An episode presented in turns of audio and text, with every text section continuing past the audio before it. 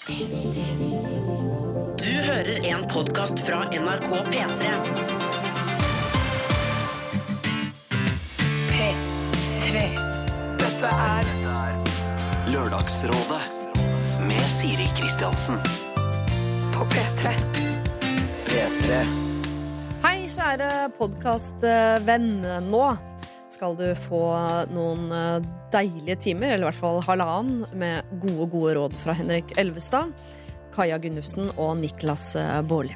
Vi skal blant annet eh, diskutere om det er en god løsning på et litt haltende avstandsforhold å skulle flytte sammen.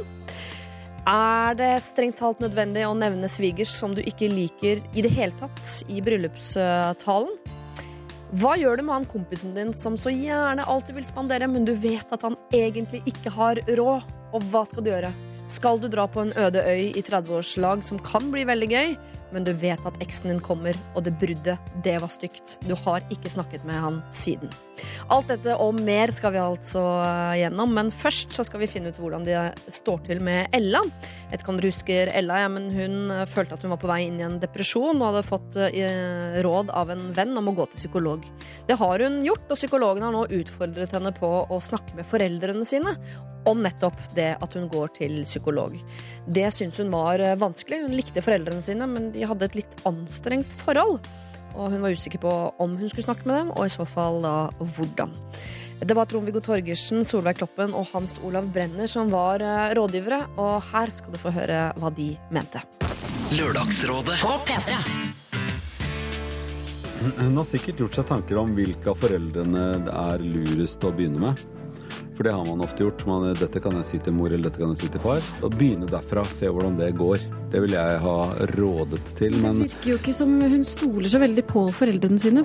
Men hun har jo tatt ansvar for sin egen eh, situasjon og sin egen tristhet og oppsøkende psykolog. Det er jo flott. Ja. Og så sier hun det til foreldrene. Hvis de da mot formodning skulle bli skuffet over henne, så kan hun i hvert fall være trygg på at det ikke er hun som er problemet. holdt jeg på å si. Altså, det er jo veldig dårlig eh, Eller en veldig dårlig måte å takle det på fra foreldrenes side, og kanskje ikke så sannsynlig heller. Og vi foreldre vil jo bare vite Vi vil jo fryktelig gjerne vite hvordan barna våre har det. Det er jo det man vil, er det ikke det? Dette er Lørdagsrådet. på P3. P3. Klok gjeng, eh, det der. Hørtes ut som en litt bekymret Solveig Kloppen på slutten der. Som, eh, det er typisk den man hører andres problemer, så tar man det med seg inn i hjertet sitt og inn i stua si og tenker herregud, det kunne vært eh, meg. Og det er fint, det. Det er en fin effekt. Ella skriver til oss i Lørdagsrådet Hei igjen! Tusen takk for rådene jeg fikk av dere for noen uker siden. Det har tatt meg så lang tid å svare, fordi jeg har virkelig hatt problemer med å fortelle om hvordan jeg har hatt det til foreldrene mine. Men i forrige uke bet jeg tennene sammen og gjorde det. Og jeg tror det er det vanskeligste jeg noensinne har gjort. Jeg fortalte mamma hvordan jeg hadde hatt det de siste månedene, og så stakk jeg rett ut på en løpetur hvor jeg begynte å gråte. Dette fikk meg også til å innse at det var aldri de som var problemet, men jeg. Jeg klarte ikke å innse at jeg ikke var perfekt, at jeg ikke kunne gjøre alt, og dette har virkelig hjulpet meg. Jeg er sikker på at tiden framover vil bli mye lysere nå som jeg ikke er like redd for å være feilfri. For ingen er vel egentlig det? Igjen, tusen takk for råd, og tusen takk for kopp. Elsker å høre på dere, dere bringer glede inn i hverdagen min. Og så spør hun kan Staysman være rådgiver igjen snart. Jeg elsker å høre stemmen hans på radio. Hilsen og takk fra Ella. Altså, Staysman han stiller opp han eh, når vi knipser. Nei da, det gjør han ikke. Men eh, vi elsker han, han elsker oss. Og det jeg kan fortelle deg, Ella, i tillegg til at jeg er veldig glad for at du har det bedre, er at Stian Staysman er en av tre rådgivere som kommer til å være med oss til Rockefeller nå den 22. mars. Eh, Det er ikke så fryktelig lenge til, faktisk. Da skal vi ha Lørdagsrådet live fra Rockefeller med blant annet Stian Staysman. Ida Fladen kommer også, og Torbjørn Røe Isaksen. Pluss at vi skal ha med oss tre skuespillere fra det andre teatret, altså improvisatører, som kommer til å spille ut uh, en del av problemene og løsningene som blir diskutert fra scenen, og som blir altså da uh, Problemene kommer jo da fra deg, som er i salen. Lørdagsrådet. På P3. P3. Jeg har fått alle rådgiverne på plass, og ny av uh, sesongen, Kaja Gunnufsen, god morgen. God morgen. Går det bra? Det går fint, takk. Du, eh, dette burde jeg kanskje ikke si sånn på radio. Dette burde jeg sikkert sagt eh, før vi begynte å snakke på radio. Men du har et veldig eh, inviterende fjes. Du ser ekstremt hyggelig ut. Takk. Er du så hyggelig, eller er det noe ja. du bruker? Nei, jeg er ganske hyggelig. Hun er en ganske hyggelig person, ja. Mm -hmm. så fint, da. Men er du ikke enig? Niklas Baarli er her. Henrik Elvestad er her. Jo, men det slo meg så innmari at jeg klarte ikke å, å bare hoppe over. Men jeg har aldri, aldri hørt det før, faktisk. Nei. Nei. For du eh, ligner litt på Frida med hjertet i hånden, for dere som har sett den, men i en sånn Wow. snill variant, liksom. Du vet, I de fleste filmer så er det en snill og en slem. For hun var så ond, hun Frida med hjertet i hånden. Ja. var ikke hun litt ond? Jeg var søstera som var ond! Ah, jeg, jeg så ikke det der, for jeg kunne ikke gjøre som gutt på den tiden. Nei, der. Jeg tror ikke Niklas aner hva vi snakker om. Jo, jo, Eh, Søsteren min var helt besatt av den filmen, så jeg har sett eh, den. Eh, Artig sjokkhjerter er det eneste jeg husker fra den filmen. For jeg spiser hun når hun har kjærlighetssorg.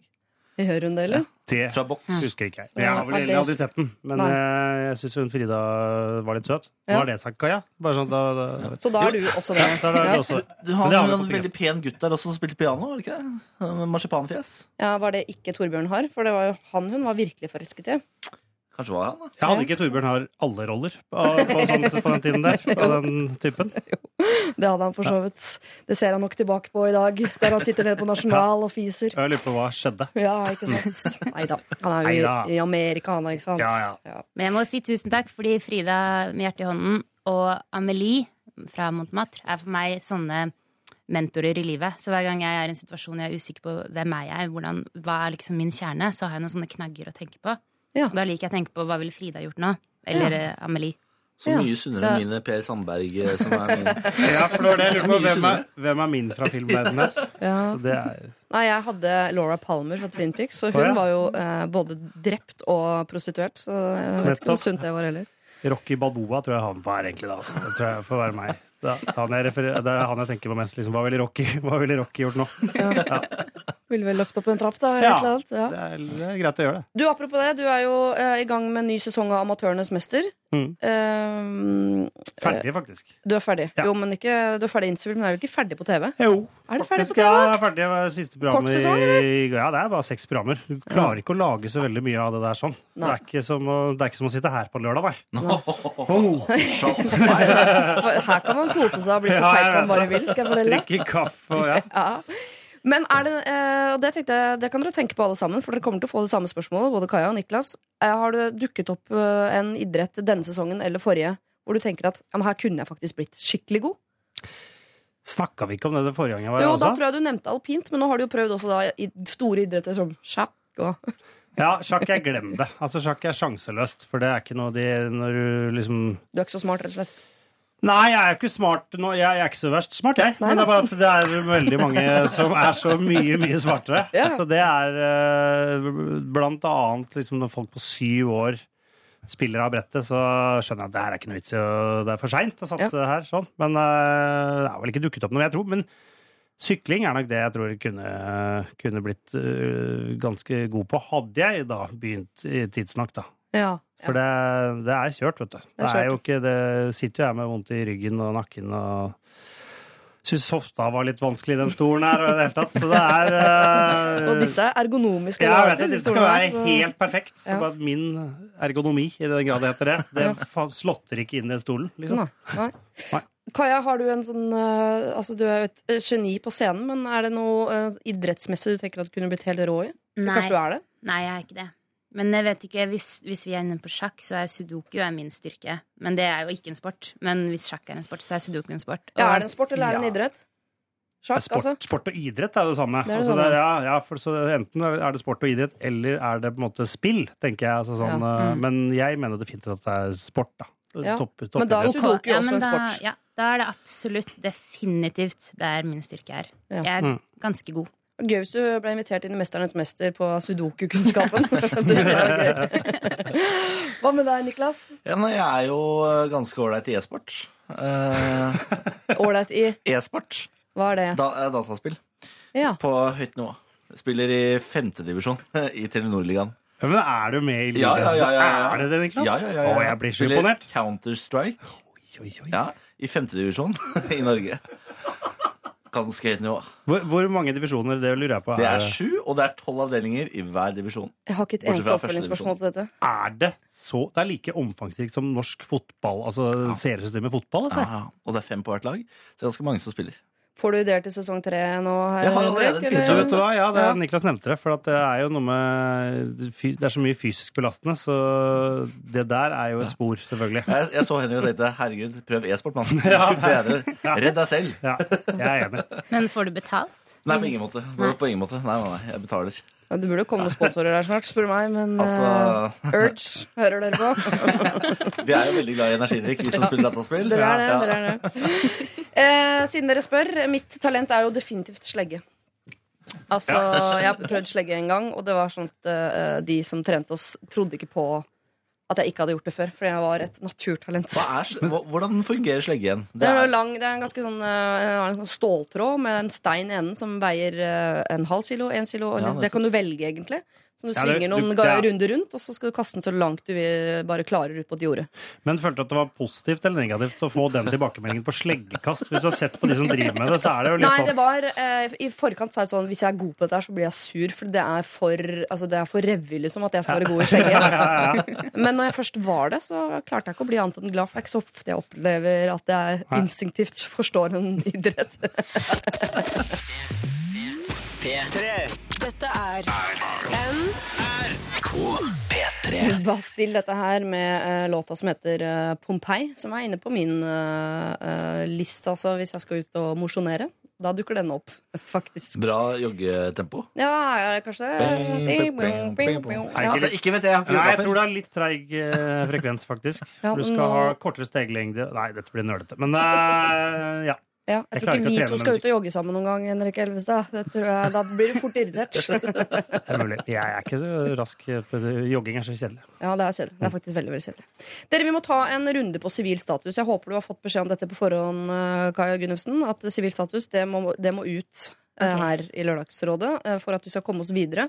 Sånn at de som sender inn problemer, som lurer på ting om kjærlighet, vet liksom hvor vi, eh, hvor vi står. Mm. Uh, vil du begynne, rett og slett? Det kan jeg godt. Mm. Jeg har eh, kjæreste, samboer. Ja, egentlig, vi er egentlig forlovet. Oh, Ja. gratulerer. Satt litt langt inne å si. Ja. Så, men, uh, Ja, jeg syns det er noe tull, hele den forlovelsesgreia. Ja. Ja. Så ikke noe ring på min fing, og ikke noe bryllup, og ikke noen ting. Men Det, skal vel, altså det er vel et bryllup i andre enden av dette uh, frieriet? Ja da, det må jo det. For jeg har veldig Jeg tror grunnen til at jeg hater forlovelsesgreier, er for det minner meg mye om da jeg var eh, Dere husker jo de som på ungdomsskolen og sånn forlova seg. ja. ja, det Jeg synes det var, var så teit, de som var forlova i fire år, og så ble det slutt. men er du eh, fra en storby, eller fra litt mer Nei, drabant. Ja, Ås.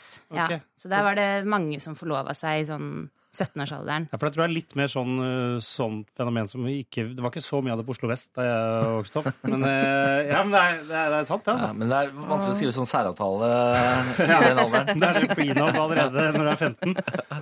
Jo, men det, Forskjellen er vel at eh, når man var 14 og drev med det der, så spurte man skal vi forlove oss. Når man har blitt voksen, spør man skal vi gifte oss, og da er man forlovet. Så jeg regner med at kjæresten din spurte om du vil gifte deg med han. Ja, han Ja. gjorde det. Ja. Eh, og vi skal jo det. Du skal det. Ja. men det er fint. Mm. Henrik, åssen er det med deg der? Ja, jeg skulle jo likt å si sivil status singel, men jeg er jo gift. Så Ja. det er uh, ja. Du skulle gjerne vært singel. Nei, på mange, nei, jeg bare tuller. Det er, uh, jeg, jeg er godt gift. Godt Så- gift, ja. ja. Ja, det Ja. Ja, Ja. absolutt. Og samboer, da, vil jeg tro. Eh, ja, vi er samboere også, ja. Ja. Det har vært rart å være godt gift, men vi bor ikke sammen. Jo, men kunne jo Eh, det- vært eh, geolog på Svalbard, for eksempel. Men ja, det er vanskelig for meg å Det, vite. det er sant, det. Det hadde jo vært, det hadde jeg ikke vært godt gift, tror jeg, med en geolog på Svalbard. Men uh, vi uh, bor sammen. Er vært gift i Hvor lenge er det? Jeg vet ikke helt, jeg. 2003 I over 2000 år! Nei, det er jo langt. Men 10 år, 13-14 år eller noe. Ja, Vært sammen utrolig lenge. ja. Og du da, eh, Niklas Baarli? Jeg er eh, i et avstandsforhold. Ja. Nå snart eh, to år, men tar slutt til sommeren. Altså avstanden. Avstanden tar slutt Ja, det var, Ja, ja. Forholdet er ikke, det er ikke planlagt slutt. Nei, jeg forventa egentlig en applaus. Det er derfor jeg til sånn to år. Ja. Men har det, alltid vært, det har ikke alltid vært avstands? Nei, på ingen måte. Vi har vært sammen i fem eh, mm, Fem og et halvt, seks snart, tror jeg. Ja. Mm. Og to hadde de vært avstand. Ja. Ja. Ikke det imponerende? Jo, jo. Ja. Men For flytter han opp til deg til Trondheim, eller kommer du hit, eller skal dere begge til eh, Dubai, eller hva skjer? Nei, spør sjefen min. Ja, jeg vet ikke. Nei, ok. Men du har fått papirer på at dere skal få lov til å uh, ligge i skje? Vi skal ligge i skje igjen, ja. Uh, og koste hva det koste vil. Ja. måte. Ja, men det er viktig, det greiene der. Det er noe av poenget med å være sammen. Eh, dere, nå skal det ikke handle om oss lenger. Nå, akkurat nå så skal det handle om en som heter Christian. Han skriver Hei, kjære Lørdagsrådet. Jeg har vært sammen med kjæresten min i snart to år. Av de to årene har ett og et halvt av dem vært avstandsforhold. Det har, etter forholdene, gått veldig bra inntil nå. De siste månedene eh, har langhelgene vi tilbringer sammen, vært særdeles turbulente. Dynamikken er at vi krangler så busta fyker, før vi senere samles om nyanseringer av hvorfor vi krangler. Dagen etter krangler vi på nytt, og så repeat hele helgen. Vi har planer om å bli samboere til sommeren, når semesteret er over. Jeg elsker virkelig kjæresten min, og jeg vet at hun elsker meg. Vi har ulike interesser, i den forstand at vi omgås ulike vennegjenger og folk.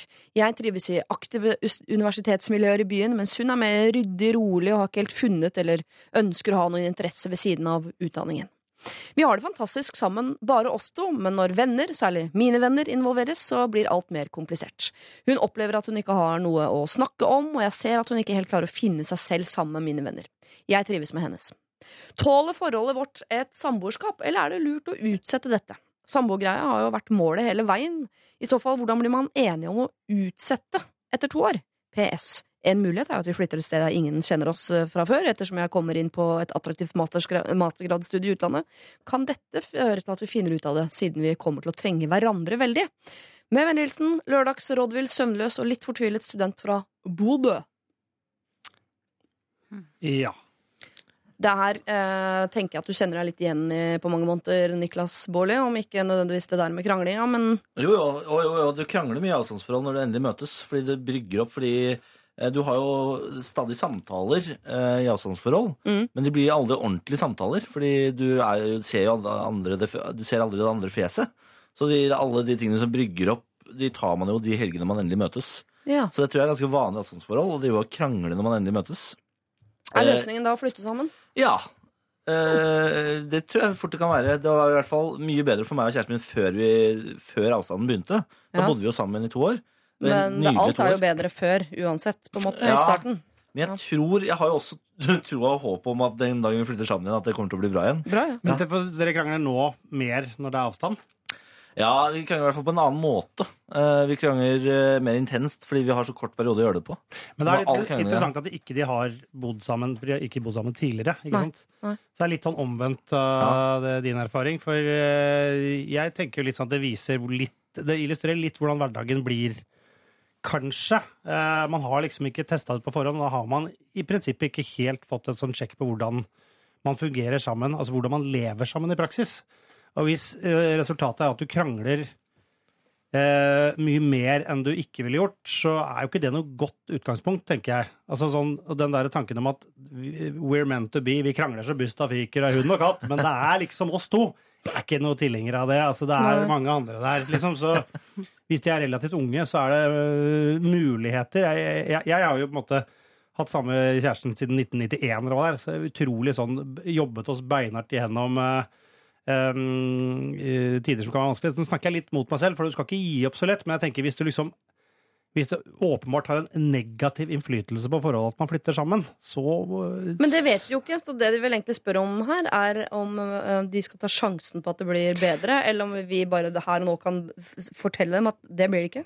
Det kommer til å gå i dass. Men de må jo uansett Det her er en veldig klisjé å si, men før eller siden, så hvis de krangler med avstandsforhold, så kan de like gjerne krangle når de bor i samme by, og de kan krangle når de er samboere. Så hvis målet med de fleste forhold er at man på et, eller annet tidspunkt skal flytte sammen, så er det jo sikkert på tide å gjøre det nå.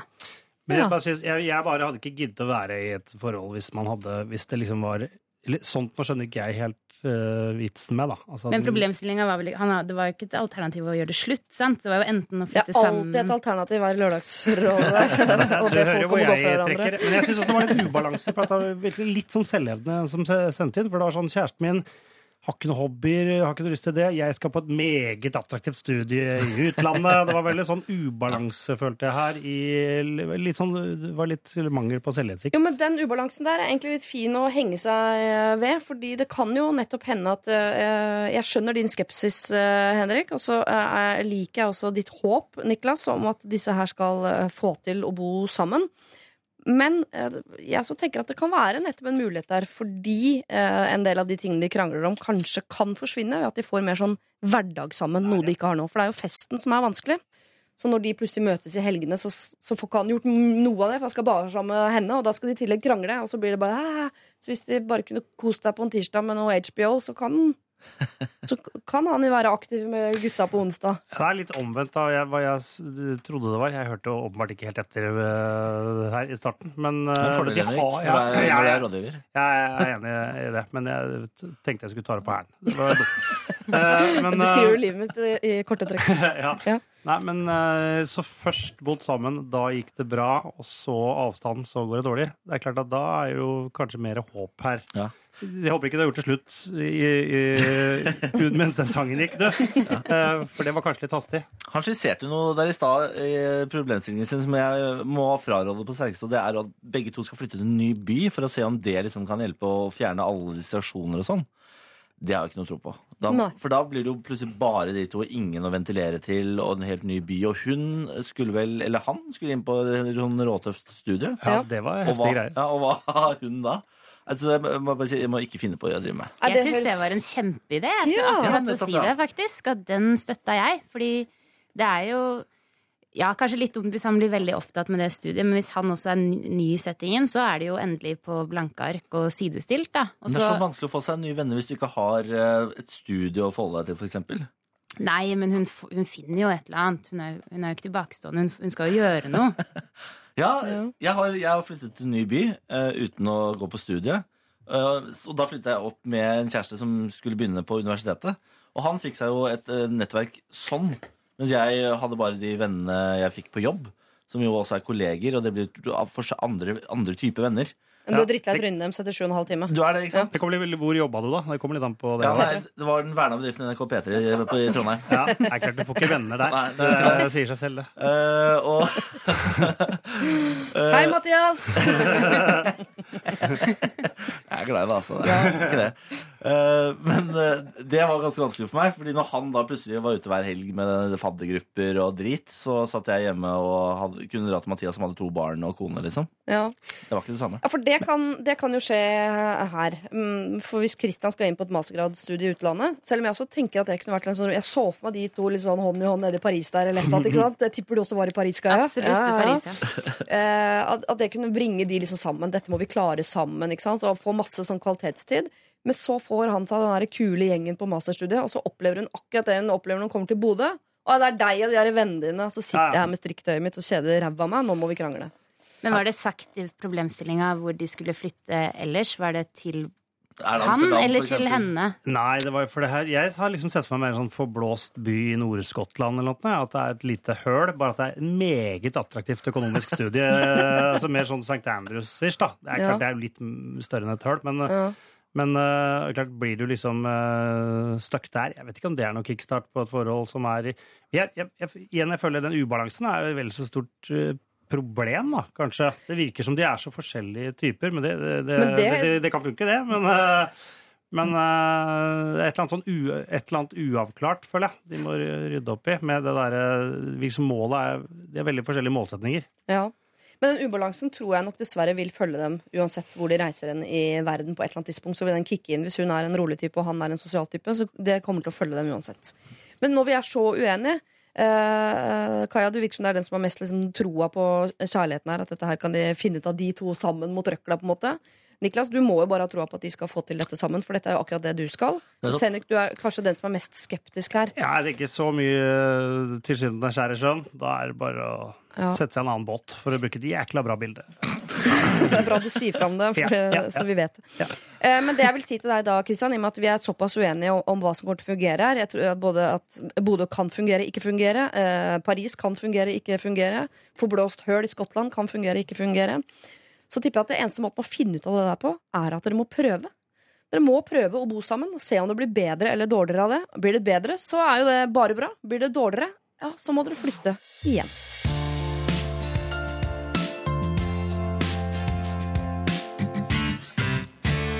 JC sammen med Kanye West. Låta heter jeg vet ikke om jeg lov å si det. eh, 'Niggas in Paris'. Eh, Og så har vi også hørt Martin Solveig sammen med Ina Wroldsen. Men det er Flengses. på huset har lov til å si det, Siri. Det er ikke madonna, det er vaskekonetørkle.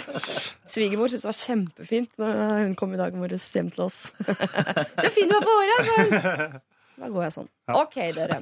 Eh, vi skal til et problem som jeg vel tror verken du, Kaja, eller du, Niklas, eh, har opplevd selv.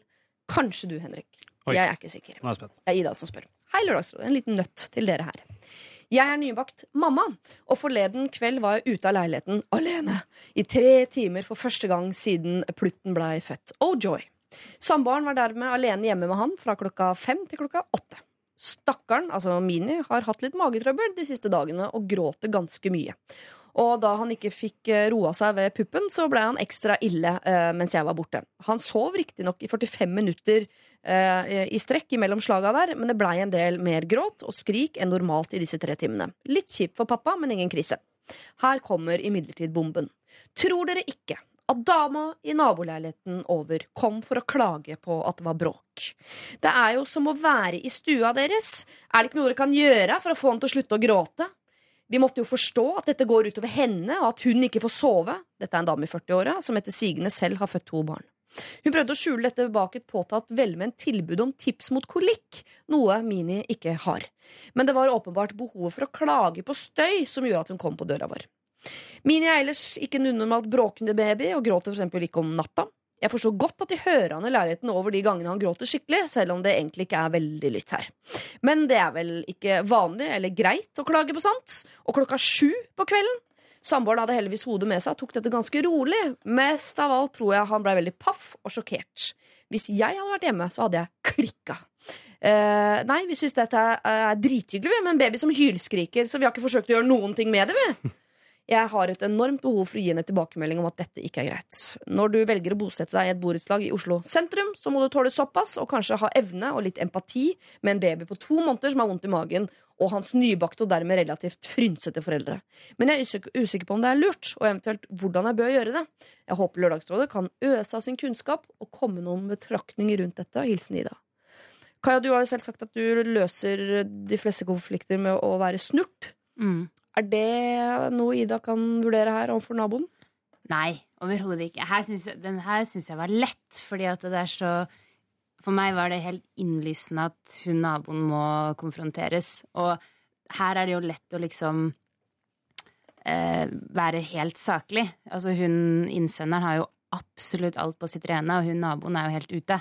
Så her handler det bare om at hun må bare være godt forberedt på hvordan hun skal legge det frem, og virke saklig og ikke, ja, ikke miste kontroll fordi hun blir irritert. Men eh, veldig, veldig lett problemstilling, det der, Er, altså. er ikke du litt i samme situasjon, Kaja? Som har et lite barn Jo, jeg har et lite barn, Ja. men jeg har aldri opplevd naboklager, da. Men Nei. de som bor under oss, er, de er døve, så de hører ingenting. Men Og det er perfekt. Ja. Går det ikke an å ha litt sympati med naboen også her? Eh, Jeg har jo da ikke småbarn, eh, og hater småbarn som griner. Altså vel intenst. Du hater selve barnet som mens det gråter. absolutt. Ja. Jeg jeg hø- hørte, fikk en gang fortalt av en kollega av oss som hadde vært på flyreise til Thailand, Mhm. hvor hun hadde sittet rett foran et barn som gråt og gråt og gråt og skreik i seks timer, hvor det da til slutt snappa for en eh, kollegaen vår, som reiste opp og sa sånn, nå må du få det ungen til å holde kjeft.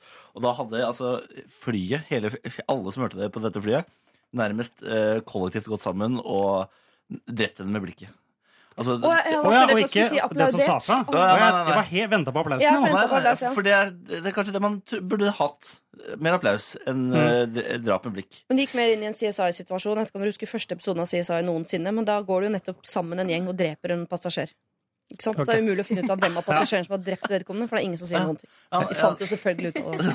Nei, jeg syns CSI er så dårlig. Men, uh, men jeg tenker, er det ikke på en måte Vi er alle enige om at på en måte, naboen er, uh, er, er problemet her. Nei, Niklas er ikke det Det det. er ikke det, fordi uh, hvis, hvis- Si naboen har sovet dårlig da, denne natta, og det, skriker og skriker og skriker, og det blir ikke stille, så eh, jeg, jeg sier at hun, hun burde ikke konfrontert, men jeg kan forstå at det snapper. Jo, men jeg kan forstå at man blir irritert som nabo, men som nabo eller som menneske generelt, så må man også forstå at en baby gråter. Ikke fordi foreldrene har sagt det fra om at en, jeg, nå syns jeg du skal holde opp, eller de ikke har prøvd å trøste. Du får ikke babyen. Det er det samme som å si Kan du fortelle katten din han skal slutte å tisse i bedet vårt? Jo Ja. jeg kan godt si fra, men Det, det kommer kanskje til å gjøre det igjen. Men, men, men eh, det var jo ikke tilfelle at eh, naboen hadde vært våken hele natta. For det, Klokka er var- sju. Ja, klokka er sju på kvelden, og, og barnet så bra om natten. Så her tror jeg toleransegrensen for den naboen er helt på viddene. Eh, så må man prøve å si det på en litt ålreit måte. Og jeg tror første konfrontasjonen, altså første gang jeg ville sagt fram det, er mer bare å skissere at vet du hva, vi prøver å gjøre det vi kan, vi også. Altså, jeg er helt enig i at foreldre som bare nærmest syns det er hyggelig. Hadde jeg altså sittet på det flyet til Thailand og merket at disse foreldrene tar jo ikke noe grep. De prøver liksom ikke å gjøre noen ting. Det bare er på en måte akseptert at sånn er det. Og de syns det er greit, men det gjør ikke alle de andre. Det, det, det er ikke, godt, eh, ikke ok i min bok. Men, men skisserer med at vet du hva, vi prøver, vi har egentlig samme mål som deg. Vi vil jo at barnet helst skal være stille, men nå har det seg slik at det er det ikke. Eh, Det er litt utenfor vår, kontroll. Så har man på en måte gjort det man kan, og da, da kan ikke den personen si noen krangre, ting. Jeg har den perfekte løsning til uh, fornærmede. Ja. Uh, du kjøper uh, et billig headset, sånn noise cancelling headset. Mm. Så går du opp til naboen og leverer det på døra som en sånn takk for sist. Men Ida har har ikke lyst til å være hyggelig. Hun er sur. Ja, men det er ikke hyggelig. Det er på ingen måte lyst til å være hyggelig. Det, kan- det er dritdyrt, for noise cancel må opp i 2,5-3. Og det, Ja, det, er ikke, det er ikke verdt, da. Ørepropper, da. Ja, det er begynne der. Men Kaja, du var jo veldig på konfrontasjon her, og jeg er helt enig i det, men jeg bare lurer på om den konfrontasjonen burde ha skjedd idet naboen klager. Hvordan er det med sånn Jo, men det, er, etterpåkonfrontering? det, er de beste, det er de beste konfrontasjonene, for det er da du har samla deg. Og det er da, når du først kommer da, så kan du levere en salve som er veldig god. Men jeg trenger, ikke, trenger man noe salve uh, nå, tenker jeg første gangen. Det er jo utrolig at jeg egentlig sier det, som er selve salvens far. Altså det er ofte med, med Og jeg ville jo, hadde jeg vært han fyren som sto og hadde sovet litt dårlig med morsmelkerstatning sånn uh, utover skjorta og ting på halv tolv, og fått naboen på besøk der, så, oi. hadde, det- så hadde jeg sagt fra umiddelbart. eh, At, eh, Jeg hadde gått rett inn i Søndre Lan-klikking. jeg har altså. kanskje vært ikke så diplomatisk heller, faktisk. Men, men eh, jeg tror på en måte at her er det helt fair å gå ned og si Du, jeg skjønte at det var en incident. Altså sånn uh, Hadde du sagt incident? ja, jeg skjønte vi hadde jeg skjønte, vi- jeg skjønte vi hadde et opptrinn, uh, ville jeg nok sagt. Uh, her, eh, og så um, si at Det er jo veldig beklagelig hvis du opplever det sånn. Og, så, og prøvd å ta det helt sånn, nesten litt sånn eh, passiv-aggressiv eh, Mm. først. Og så kan man heller, hvis det ikke gir seg, så får du si at nå må du, nå må du flytte ut. Du må komme deg vekk herfra. Ja. Men det er det, når jeg sier salve, i min verden er en salve å si på en veldig veldig høflig måte. At, tenker på eh, smøringa? Det er ikke noe salve. Du tenker på smøring av salve? Smøring av salve, ja. Ok, dere. Ehm, Ida, eh, du har vår uh, Altså, vi godkjenner at du går til naboen og uh, sier ifra, fordi vi tror på deg, at dere har prøvd å få dette barnet til å slutte å gråte, og da kan ikke naboen bli irritert klokka sju. Så gå opp. uh, om du vil smøre salve eller gi en skikkelig salve, det får du se hva du er komfortabel med. Begge deler er greit herfra. Men jeg vil også fokusert litt på framtiden og sagt at dette barnet kommer til å gråte igjen. Så hvis det plager deg så mye at dette barnet eh, gråter, ja, så syns jeg faktisk du skal flytte ut. Eh, Så, såpass syns jeg du kan eh, ta i, i det. Det blir litt dårlig stemning med naboen, men den dårlige stemninga den antar jeg at er der allerede. Så hvorfor ikke bare gønne på, som de sier.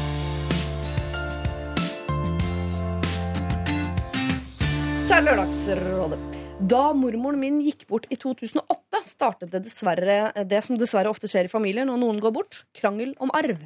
Det blir altfor langt å ta hele historien her, men resultatet ble i hvert fall at familien måtte selge feriehytta mormor og morfar bygde da de var unge, og at onkelen min brøt kontakt med mamma og tanta. Han, altså tanten min, altså sine to søstre, han vil rett og slett ikke ha noe som helst med sine to søstre å gjøre. Det har vært sånn i ni år nå. Vi snakker om et såpass drøyt nivå at det ikke sendes SMS ved verken jul eller bursdag, og at onkelen min og hans kone nekter å komme i store slektstreff hvor det kan være opptil 60 gjester som har fløyet inn fra hele Europa fordi eh, mamma og tanten min er der. Jeg var ganske ung da alt gikk skeis, og mamma syns det er for sårt å snakke om de gangene jeg har prøvd, så jeg eh, kjenner ikke alle detaljene for hvorfor det gikk som det gikk.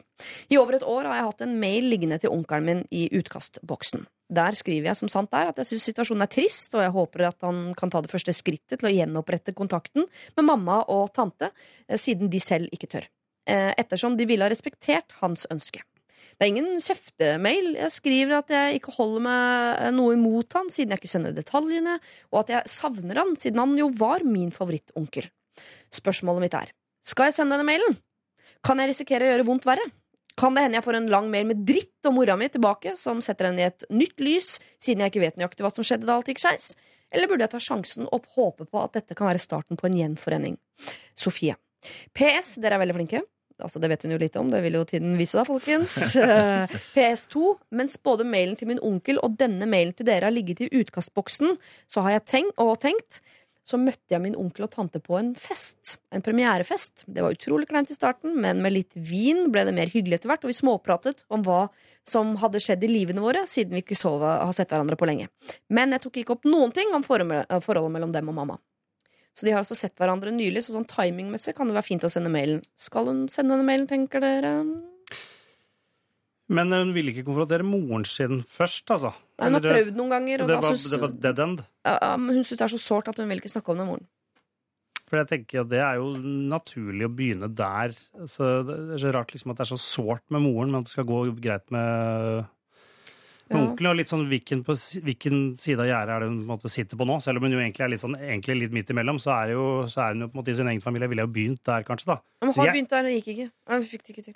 Det er, det er jo et arveoppgjør i bunnen her, er det ikke det? Jo. Så det er kroner og øre det er snakk om. Det er et økonomisk det er et problem her. Ja, og sikkert masse følelser i forhold til affeksjon. Han var sikkert mer glad i hytta fordi han ble født der. Eller, ikke sant? Og, og, og Ja, sånn, ja.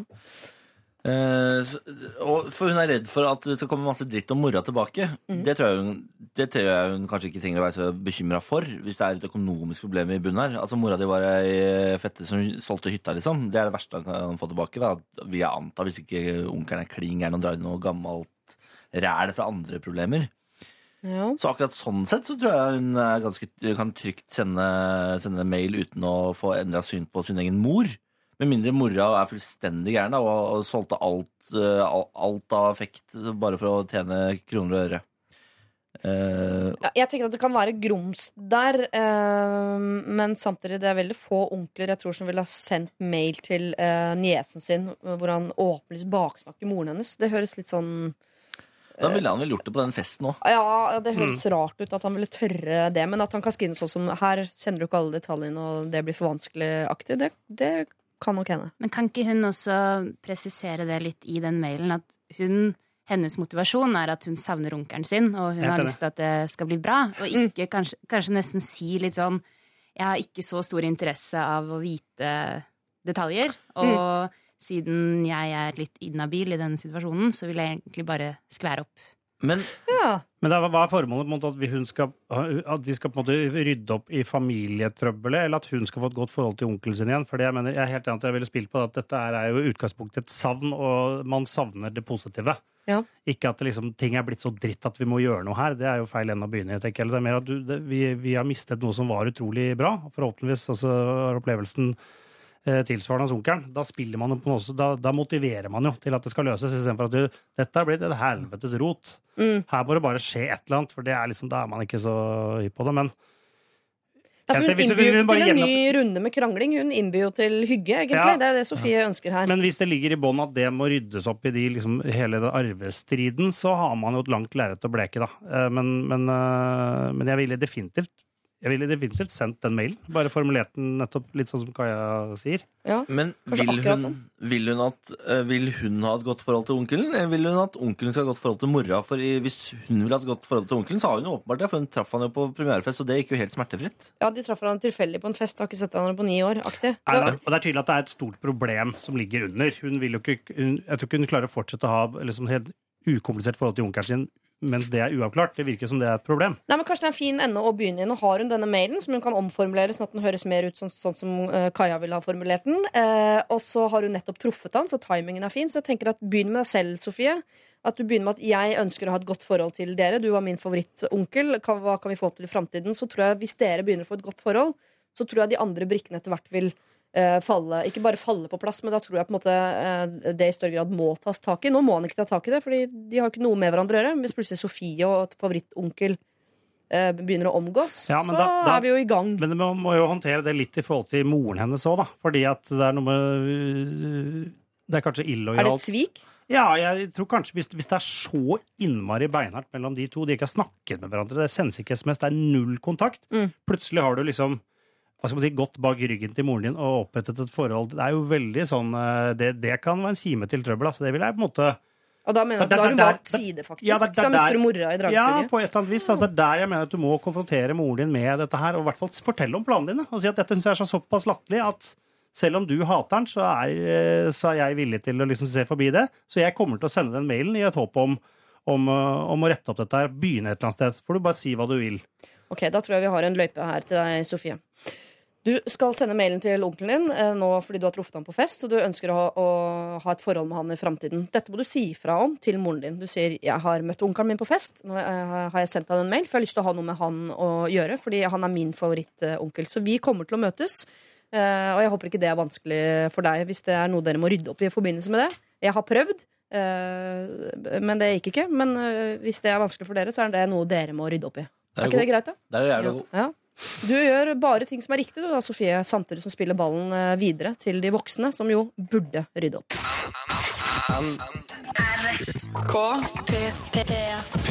P3. Ed Sheeran, 'Castle on the Hill', bestevennen til Ronny Brede Aase, har jeg forstått. Denne Ed Sheeran, stemmer ikke det, Niklas? Ja, de er eh, glad i hverandre, de. Jeg har en annen fun fact om eh, Ed Sheeran også. Bestefaren hans uh, har Har rødt hår? Fregner? Eh, Men min makker Veien Sigstrand, Mathias, har Ja. spist middag med bestefaren til Ed Sheeran. Why? Dette må du forklare. Ja, Why? det, er, det er fordi faren til Mathias har jobbet med bestefaren til Ed Sheeran. Hva, Så de har vært på hytta til Ed Sheeran. eller hva? Det er, det noen legegreier. Legegreier. Ja, ja, ja, ja. Høyt Ok. opp. ja. Det overrasker meg faktisk at bestefaren til Ed Sheeran er, eh, Har legeslekt? er lege. Ja, eller har, Ja. At han er av legeslekt. Professor eller noe sånt. Ja. Han har, han har tydeligvis brutt veldig med faen. Har ikke han bodd på T-bane eh, bodd- Har ikke han vært hjemløs, han Ed Sheeran? Eller er det litt sånn forfengelighets... Ja, jeg, det tror jeg er litt sånn forfengelig. Jeg tror han var, han var trubadur, liksom. Og så Ja, ok. sikkert på noen sofaer innimellom. Men jeg tror ikke han har vært hjemløs hjemløs. Nei, for det Og holder ikke. han har sånn Jeg har også sovet på eh, sofaer. Ja, ikke normcore-skryting engang, men sånn virkelig sånn eh, Jeg har hatt det vanskelig. Sånn som jeg prøver å late som jeg er oppvokst på Bjølsen, så prøver jeg å late som jeg er The Bronx, liksom. Ja. sånn. Nå, Ja, nå jeg hørte jeg det nye albumet til Ed Sheeran i går, Ja. eh, og åpningslåta på det albumet irriterer meg så forferdelig, for han, nå har han fått sånn derre uh, Jeg har Se hvor bra jeg har gjort i livet, og nå er de sjalu på meg, familien og venner. Ok, Er det det første låta handler om? Den, og han åpner albumet der. Og så Ja. er han, nå orker jeg ikke en, eh, en sår stjerne til. Men du har hørt hele albumet hans? Ja, jeg hørte det i bilen på vei ned fra Trondheim i går. Yes, gjør man sånne ting eh, Ja. eller fortsatt? Noen Nei, men jeg, jeg, jeg er en gammel sjel. Ja, sånn er jo jeg jo egentlig, men jeg ville aldri hørt hele albumet til Ed Sheeran. Altså, det, er- det er, hillesåre er veier, Niklas. Ja. Hva, er, hva, hva er din musikksmak? Det tar det, det er, det er dette vi skal snakke om. Har Kan ikke dere stikke og ta en kaffe et eller annet sted etter programmet og snakke om det? da? Så send meg en eh, e-mail med noe, noe stikkord i Ja. etterkant som jeg kan eh, bruke fritt uh, derfra og ut. Ja.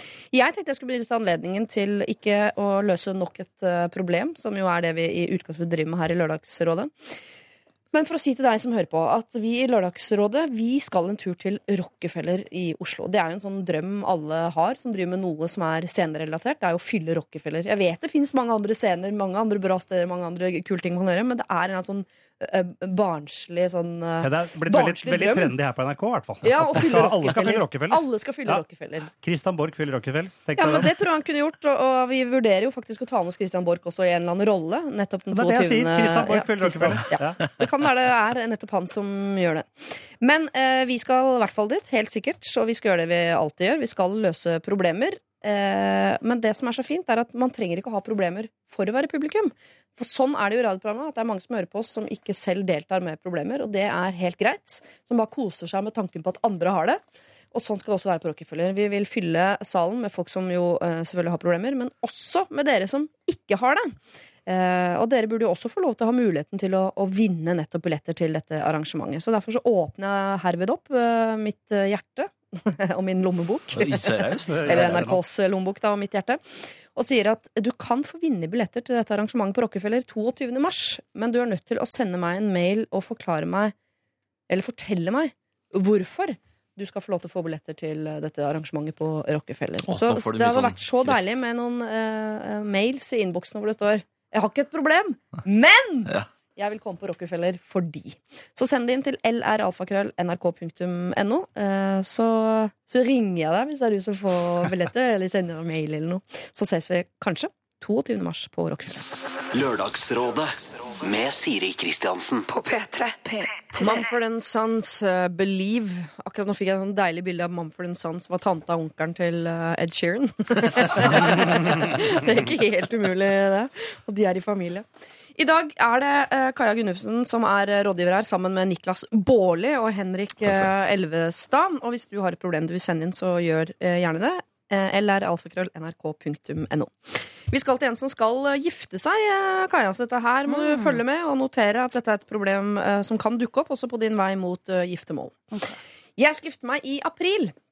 Jeg har aldri ønsket meg et stort bryllup, men mannen eh, har det, og jeg ønsker at han skal få det.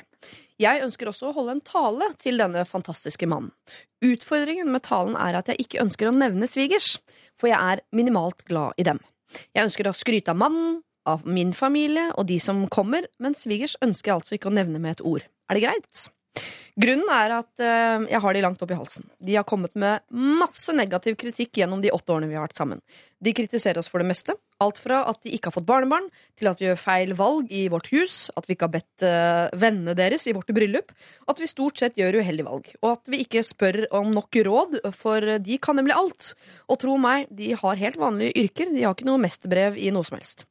Og eh, kritikken er ikke vennlig sagt eller ment heller. Hver eneste gang vi skal møte dem, og det er dessverre ganske ofte, så lurer jeg på hva neste kritikkpunkt blir. Eneste jeg kan takke dem for, er jo at de har eh, fostret opp denne fantastiske sønnen, da. Men holder det? Jeg føler at det er så vanlig å snakke varmt om svigerfamilie, men jeg har altså ikke lyst til å stå og ljuge i mitt eget bryllup. Kall meg gjerne Brura. Ja. Mm. Hva, du som har giftet deg, da, Henrik. Ja, men vi Snakker du varmt om svigers? Nei, men Vi gifta oss i utlandet med bare forlover og dro til Roma og gjorde veldig veldig lite. Så det Jeg vet ikke helt, altså. Eh, Men jeg, jeg, jeg ville jo, jeg ville jo For det første er jo noe med at dette problemet burde jo også tas opp ikke nødvendigvis i en tale i et bryllup på første gang. For jeg føler at dette er jo dette er et problem for dette for paret. Så her vil jeg jo på et eller annet vis konfrontert svigerforeldrene med at sånn som dere bidrar, det fungerer ikke. Men han må også snakke om med mannen sin. Det er vanskelig å vite hvor han står her. Ja. Hvis han fyren føler at de svigerforeldrene er helt topp, jeg skjønner ikke hva problemet er, så er det selvfølgelig mye vanskeligere. Hvis han også føler at de er en stor belastning for det forholdet, at de bidrar veldig negativt og er eh, så tullinger som de høres ut som, Ja. så, så har man jo på en måte Da kan man jo Da er det mye lettere å kommunisere det til dem. Ja. Mens jeg ville jo bare unngått altså unngått å nevne dem. Altså, skryt- Ikke nevnt dem i tall. Nei, og så skrytt av alt og alle, og så får de selv føle at oi, Ja. dette var vondt. Og så kommer de sikkert til å si at jeg er forbanna for det òg. Ja. Og så kan man komme, men uh, herregud, hvorfor skal vi Så man tømme seg, da. Faren da er at de tar opp det At svigers tar opp det i bryllupet. Sånn, ja, det var jo fine taler i dag, da, men vi ble jo ikke nevnt. Hva er det for noe? Så får da- man hvis- liksom oppvasken der. Ja, men da tydeliggjør du din egen liksom, eh, sosiale inkompetanse, mener jeg. Ja. Hvis du er så bitter at du klarer å si ja, det var hyggelig dette her, eneste at vi ikke ble nevnt, da har du jo slått beina under deg selv. Ja, men du har også ødelagt et bryllup. Er dette noe du tenker på, Kaja? Er, har du begynt å Eh, klabbe ned noen ord? Aldri tenkt på det. Jeg er Nei. ikke så glad i taler. Men jeg, jeg eh, tenker jo at eh, hun heller kan prøve å bli enig med samboeren sin at da får han Hvis han har et godt forhold til sine foreldre, så får han heller snakke mye varmt om de, da. Og så kan hun fokusere på sine foreldre. Ja, vi har snakket om skeivheter i forhold tidligere i dag, og skjevheten her kan jo oppstå hvis han snakker veldig varmt om sine svigers, og så er det hennes tur, og så blir de ikke nevnt. Da, jeg, jeg vil jo tro at svigers legger nok merke til det. Ja, ja, men er det ikke en eh, Er det ikke en liten kamel å svelge å bare nevne de med noen ord, da? Og, fordi jeg skjønner at det er slitsomt å ha de der i hverdagen og sånn, men det er tross alt et bryllup. Det skjer én gang, og den talen er det strengt tatt ingen som husker eh, en uke etterpå uansett. Eh, ja, er det det? Husker du bryllupstaler?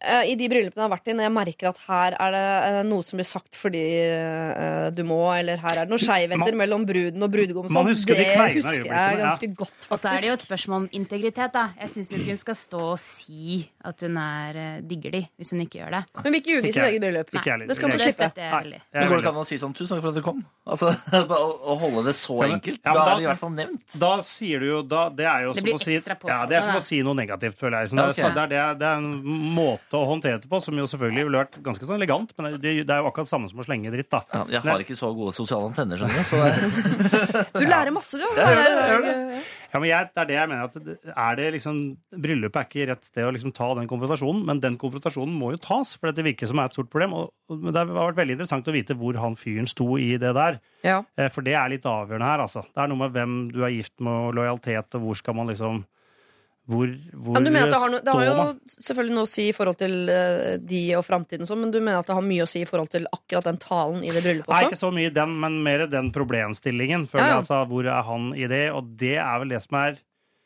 egentlig det overordnet viktigste, tenker jeg. Det bryllupet kan man alltid sånn, Der kan man også godt gå for en sånn der litt sånn soft, eh, en en litt feige diplomatisk versjon også, for jeg føler at det er ikke det er, ikke, det er ikke der du skal liksom ta den fighten, eller forklare hvor på viddene du syns de er. Det, det, da får du et bryllup som blir Da blir det styr og ståk, og så kommer din dag i skyggen av noen gærne svigerforeldre. Svigers syns jo også det er stas å gifte bort sønnen sin. ikke sant? De eh, synes det er stas, og- hvis det skulle bli en konfrontasjon ved bryllup, så er det ikke bare sårt for svigers, men det er sårt for sønn. og det det er, det er, jeg mener, du må, Der må du bare bite, bite tennene sammen altså, og være litt hyggelig. Altså, så Men du, men, du mener at du skal skryte og si at de er toppfolk? Ja, Liksom? men Skryter man så forbaska mye av folk? Da må man skryte så hardt. Jo, men hvis, hvis, man, hvis man gjør det altså, Det er jo litt sånn typisk det. Takk for Det er jo, det er jo litt Men tilsetning de har om jo man sikkert gjort noe fint. Altså, Det er jo sånn, veldig rart å komme noe annet. Jo, men du nevner jo én ting. Jeg kan takke dem for at de har fostret opp en fantastisk sønn. Ja, det er fint. Gjør det. Nei, men det blir kjemperart hvis hun står og snakker masse varmt om foreldre og samboer, og så Ja, og takk til dere for at dere har fått en bra opp. sønn. Ja, men, Det blir jo i hvert fall men da kan, du pynte, da kan du pynte sånn Tusen takk til svigermor og svigerfar for denne fantastiske mannen dere Noe har fostret opp for meg. Ja. Noe riktig må dere ha gjort. Og forresten, tusen er, takk for at dere ikke- det flytte er Det er ikke mye, men det er det det likte til, liksom. Det er det du sier, da. Ja, og, og Jan, eller hva svigerfar heter, du er helt rå til å lage laks. Ja. Der er du god. Nei, men da blir det så tydelig Jo, at men- han har at uh... Kanskje, uh, kanskje du kan egentlig bare uh, kaste inn liksom fire ekstra fine ting om mannen. Og så planter du det som om det er i talen til svigers. Sånn. Han har jo blitt en veldig ryddig fyr. Det har han antagelig fra deg, Anita. Ikke sant? Takk for det. Eh, og jammen er han god til å steke laks. Kanskje det er fra deg, Rolf. Hvem vet? Og så later han som dette er den biten som handler om svigers, men det jeg egentlig gjør nå, er å rose min egen mann i ytterligere fem minutter til. Der, tipper jeg, der syns jeg i hvert fall det kan ligge en sånn sleip nøkkel ut av dette. Men det jeg er nysgjerrig på, er hvordan blir talen fra svigers Blir bruden nevnt? Det er jeg nysgjerrig på. Og hvordan er timingen på det? Hvis den talen kommer først, og du er en impulsiv dame, så vil jeg sitte, vente Ja. med den der biten som handler om svigers, til du har hørt deres tale til deg. Og så hadde jeg sånn, hvis de roser deg opp i skyene, så ville jeg lagt inn et lite ord. Blir ikke du nevnt? The game is on. Svigerforeldrene de har, har sikkert et helt annet inntrykk av både brudeparet og seg sjæl, så de syns jo sikkert hun er verdens beste Ja, dame. det vet man ikke. Det, det, det høres jo ikke sånn ut, syns jeg. Det Nei. høres ut som de syns at sønnen har gjort et feilvalg, og, og at de er trolig sånn øh, proteksjonistisk proteksjonistiske overfor han. Altså, uten at det blir så mye spekulasjoner, da. Men, men øh, jeg syns det høres sånn ut. Ja. Og jeg tenker at de Det er litt sånn Folk er aldri for gamle til å få høre at de er øh, duster. Uh, det er klart at settingen er litt sånn ugustig, men jeg mener at det, dette må man på et eller annet vis ta opp, da. Og Ja. jeg synes det høres ut som hvis han er så utrolig bra og fornuftig, han mannen, altså sønnen til dette paret, så må han jo være mulig å snakke til. Eh, Og forhåpentligvis ikke like teit som mor og faren. Og da, da, Men, da, eh, da er det jo noe man Da, da må man definere det som et problem, og så må man gjøre noe med det. Men ikke, ikke, i- ikke i Ikke den talen. Men det er jo litt tid, da. Du kan Men jo ta må man, det før det. Må man nevne svigers i en sånn tale? Er det et must? Nei. Ikke- tenker jeg at det det ikke et helt, at det er helt ryddig at de to blir enige Han snakker om sine foreldre, hun snakker om sine foreldre. Og så er det ikke noe mer å mase om. Men andre vei er det veldig sånn, skal man liksom ikke som eh, Skal man ikke da, da Hvis man som brudgom, så må man jo snakke litt til fore- svigerforeldrene. Er ikke det litt sånn viktig at de har fått datteren deres? Eller er jeg veldig gammel? Ja, jeg det er Det er gammeldags. Det, jeg tenker, det synes jeg er en veldig veldig fin Det er et fint sted å møtes, faktisk. At hvis du og mannen din ble enige om at ok, jeg nevner ikke dine svigerforeldre, og da nevner heller ikke du mine, så da blir det likt.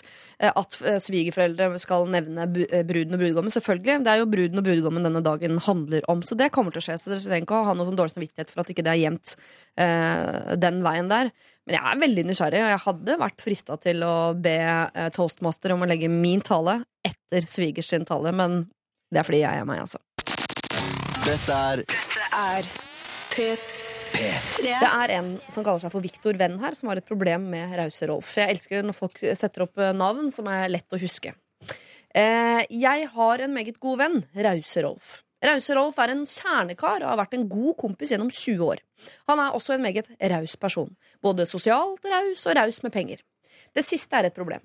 Penger brenner i lomma på Rause-Rolf, og han skal til stadighet være stor kar som spanderer på alt og alle. I studietiden syntes jeg det var ok. Jeg og resten av gutta var fattige studenter, og Rause Rolf kom til byen på permisjon fra FN-tjenesten med ræva full av penger. Da hadde jeg ingen problemer med at han kjøpte øl til hele gjengen. Det føltes liksom riktig. Men nå, ti år etter, er bordet snudd. Vi som, gang, eh, som en gang var fattige studenter, er nå i faste jobber og har trygg middelklasseøkonomi. Rause Rolf derimot har valgt et yrke der lønna tydeligvis blir utbetalt i himmelen. Problemet er at han fremdeles trekker på seg spanderbuksen i sosiale lag. Han er kjapt ute og snapper opp barregninga før vi andre rekker å si eplekake. Han betaler, og han blånekter å ta imot penger fra oss andre i ettertid. Jeg har selvfølgelig tatt opp dette med han i sivilisert form, og det funket dårlig. Han er svært veltalende og smetter unna som et varmt såpestykke når jeg problematiserer atferden hans. Jeg og resten av gutta har nå faktisk eh, sniksubsidiert han ved flere anledninger. For eksempel guttetur til London. Jeg ordner billetter og slikt. Da jeg i ettertid sender ut felles regning til gutta, sendte jeg ut et offisielt regnskap der alle liksom skyldte 1500 kroner, og et uoffisielt regnskap til alle gutta hvor det viser seg at alle, da, bortsett fra Rause Rolf, faktisk skylder 6000. Han er ikke så glup med penger, så han skjønner ikke at han har blitt lurt trill rundt til sin egen fordel. Og etter et restaurantbesøk her om dagen måtte vi sette penger direkte inn på kontoen hans fordi han insisterte på å ta hele regninga selv. Vi overførte penger samme dag som han fikk eh, luselønna si, slik at han ikke skulle merke det. Hva skal vi gjøre med Rause Rolf? Hilsen Viktor Venn. Altså, for en eh, nydelig vennegjeng. For en nydelig Ja, vennegjeng. ja. Først og fremst. Ja. Altså, for en nydelig gjeng dere er. Herregud. Eh, og får en tufs rause roll. Nei, han er jo også veldig hyggelig, da. Ja, jeg, generøsitet er jo Men det er jo, det er jo rart at du liksom lever eh, Det er jo synd hvis TV3 skal banke på døra en dag, og der står en skalla fyr med en kjempetavle, liksom. Det er jo, vi vil jo ikke dit. Da er vi i gang. Ja. Men det er kjemperart. Jeg kan ikke fatte hvorfor han, hvorfor han ikke Hvorfor han nekter at man skal dele på ting. Den virker jo som er det fordi han på en måte Noen folk har jo sånn at det det der å skulle være raus er liksom måten å holde på venner og sånne ting. Og man er liksom så usikker, da. Er det derfor? Jeg kan ikke skjønne motivasjonen hans når han vet at de andre har god råd. Hvorfor han på død og liv skal spandere. Tror du ikke dette har blitt rollen hans? For han begynte sånn, for han hadde penger når de ikke hadde. Da var det en fin det greie. Og så har det blitt hans rolle. Og så syns han det er flaut nå på en måte at jeg kan, jeg kan ikke leve opp til mitt eget rykte lenger. Og så bare må han Ellers, ellers så liker han det bare. Kan men, han bare liker det. Men det der er liksom å snikbetale for den uten at han skal legge merke til det, føler jeg er risky. Det er litt risky business, er det ikke det? Hvis han er såpass stolt på det at han skal være den som betaler. Risk i forhold til hva Nei, I man det øyeblikket risikerer. det blir oppdaget, da. Han er, Ja, det er jo veldig ydmykende. Ja. Ja, det er utrolig sånn eh, da, det- Jeg føler at liksom, Vi har ordna en støttekontakt for deg, men du vet det bare ikke. Uh, Og du trodde det var kjæresten din? Mm, nei, hun har vi kjøpt. Hun har vi kjøpt. Ja. Nei, men, men uh, for så Han høres ut som han har litt sånn mangler økonomisk, hvis, det er, hvis du liksom ikke merker eh, Hvis du tror liksom at en guttetur til London koster 1500 kroner, det er jo mildt sagt naivt, det er jeg enig i, men, men eh, jeg, tror, jeg tror liksom det, så, så naiv kan man ikke være. Det der kommer til å bli oppdaga, og det kan bli ganske Det er ganske vondt, altså. Det er jo heldigvis, altså det finnes jo hjelpemidler her. Vips for eksempel er jo perfekt for eh, disse folka her. Eh, Jeg bruker det jo på gjerrigvenner, for eksempel. Folk Ja. som aldri bidrar. Mm. Eh, det er- Noen sånne påminnelser? Det, jeg har blitt, Ja. det har blitt dritstreng, fordi jeg, det er det en ting jeg ikke er, så er det gjerrig. Jeg, altså det, jeg tar gjerne regning og sånn. Men så er det noen mennesker Du er rause, Rolf. Du, jeg er rause, men så er det noen mennesker som faen meg aldri betaler. Ja, ja. Og de har jeg nå det har jeg valgt i livet mitt å ikke ta hensyn til, og bare sende krav. Ja. Um, og hvis man uh, sender penger på Vips, så må han jo ta det imot, og han får beskjed om at de kommer. Så det er måten å gjøre det på for gjengen her. Da. Bare sende han penger på Vips, så får han notification. Og hvis du får finne notification, så er det jo Han høres jo kanskje vanskelig ut, da, men da, du er jo veldig vanskelig hvis du sender de pengene tilbake én etter én til kompisene dine. Sånn, «Nei, ærlig talt, jeg reiser og skal ikke ha disse pengene. Nå er det én, og så igjen, og så igjen. Og da er det jo gæren. Da er, må han jo oppsøke psykolog, da. Jeg trodde ikke du hadde troa på psykologer. Nei, men jeg reiser jo ofte lenger. Men, men det er en omvendt problemstilling, og det er mer den vanlige følelsen at det er en som aldri betaler. Ja, Den har vi hatt noen ja, av. og den er jo selvfølgelig utrolig nerverende. Men det er jo veldig rart. Altså, at det Ja, liksom det er for, for spandabel fyr. Ja. Spandabel uten ryggdekning. Det er jo helt utrolig. Og det er mange rause Rolf, men vanligvis har rause Rolf en sånn vending som bare sitter med åpen munn og gaper og tar imot som fugleunger. Men Ja. han er jo veldig heldig som har alle disse gode vennene rundt som har lyst til å hjelpe han. Men kanskje han bare må lære den harde måten, da. Med å Må ha Hallgeir i Det må ja, komme til luksusfellen-nivå for at han skal endre atferd. Og så skal gjennom de fem vanskelige årene med sånn kemneren på nakken og Se på tavla. Ja, nei, jeg unner han ikke det, men altså, jeg tenker Jeg syns også det er noe sånn derre fælt med den der snikbetalinga. Jeg jeg elsker sånn det, men, det. Ja, men Jeg syns det var gøy. det det, bli- jeg. Det kom jo til å bli oppdaga. Ja. Må jo det, før eller siden. Jeg føler at det er ikke noen bestandig løsning, liksom. Det, er, det, det, der er, det vil ikke funke i lengden. Men uh, er han så uh, Tror du liksom det høres ut som det blir luksusfellnivå? Jeg syns ikke egentlig det høres ut som det. Han har hatt en jobb, har vært soldat, og liksom, han virker jo ikke helt eh, Men, Gikk ikke helt på bærtur, da. men hvis, tar, hvis han tar liksom hele middagstegningen for guttegjengen, det blir jo noen tusenlapper der. Og hvis han Altså, har, det, det er jo det er bare tre gutter i den guttegjengen. Så det er en veldig liten guttegjeng. Det er bare Victor og Rolf. Ja, det er det er to, det er to pils på Peppers Pizza, liksom. Så Da har også Rolf råd til. Kanskje, kanskje det er det som er problemet. Han, eh, han fyren som sender inn problemet, han tjener sånn to millioner, og hvis du tjener under en mill., er det loserlønn du har? Stakkars Ause-Rolf har ikke råd til dette. Og da, Rolf har råd til å gå på Peppers Pizza. er konsernsjef.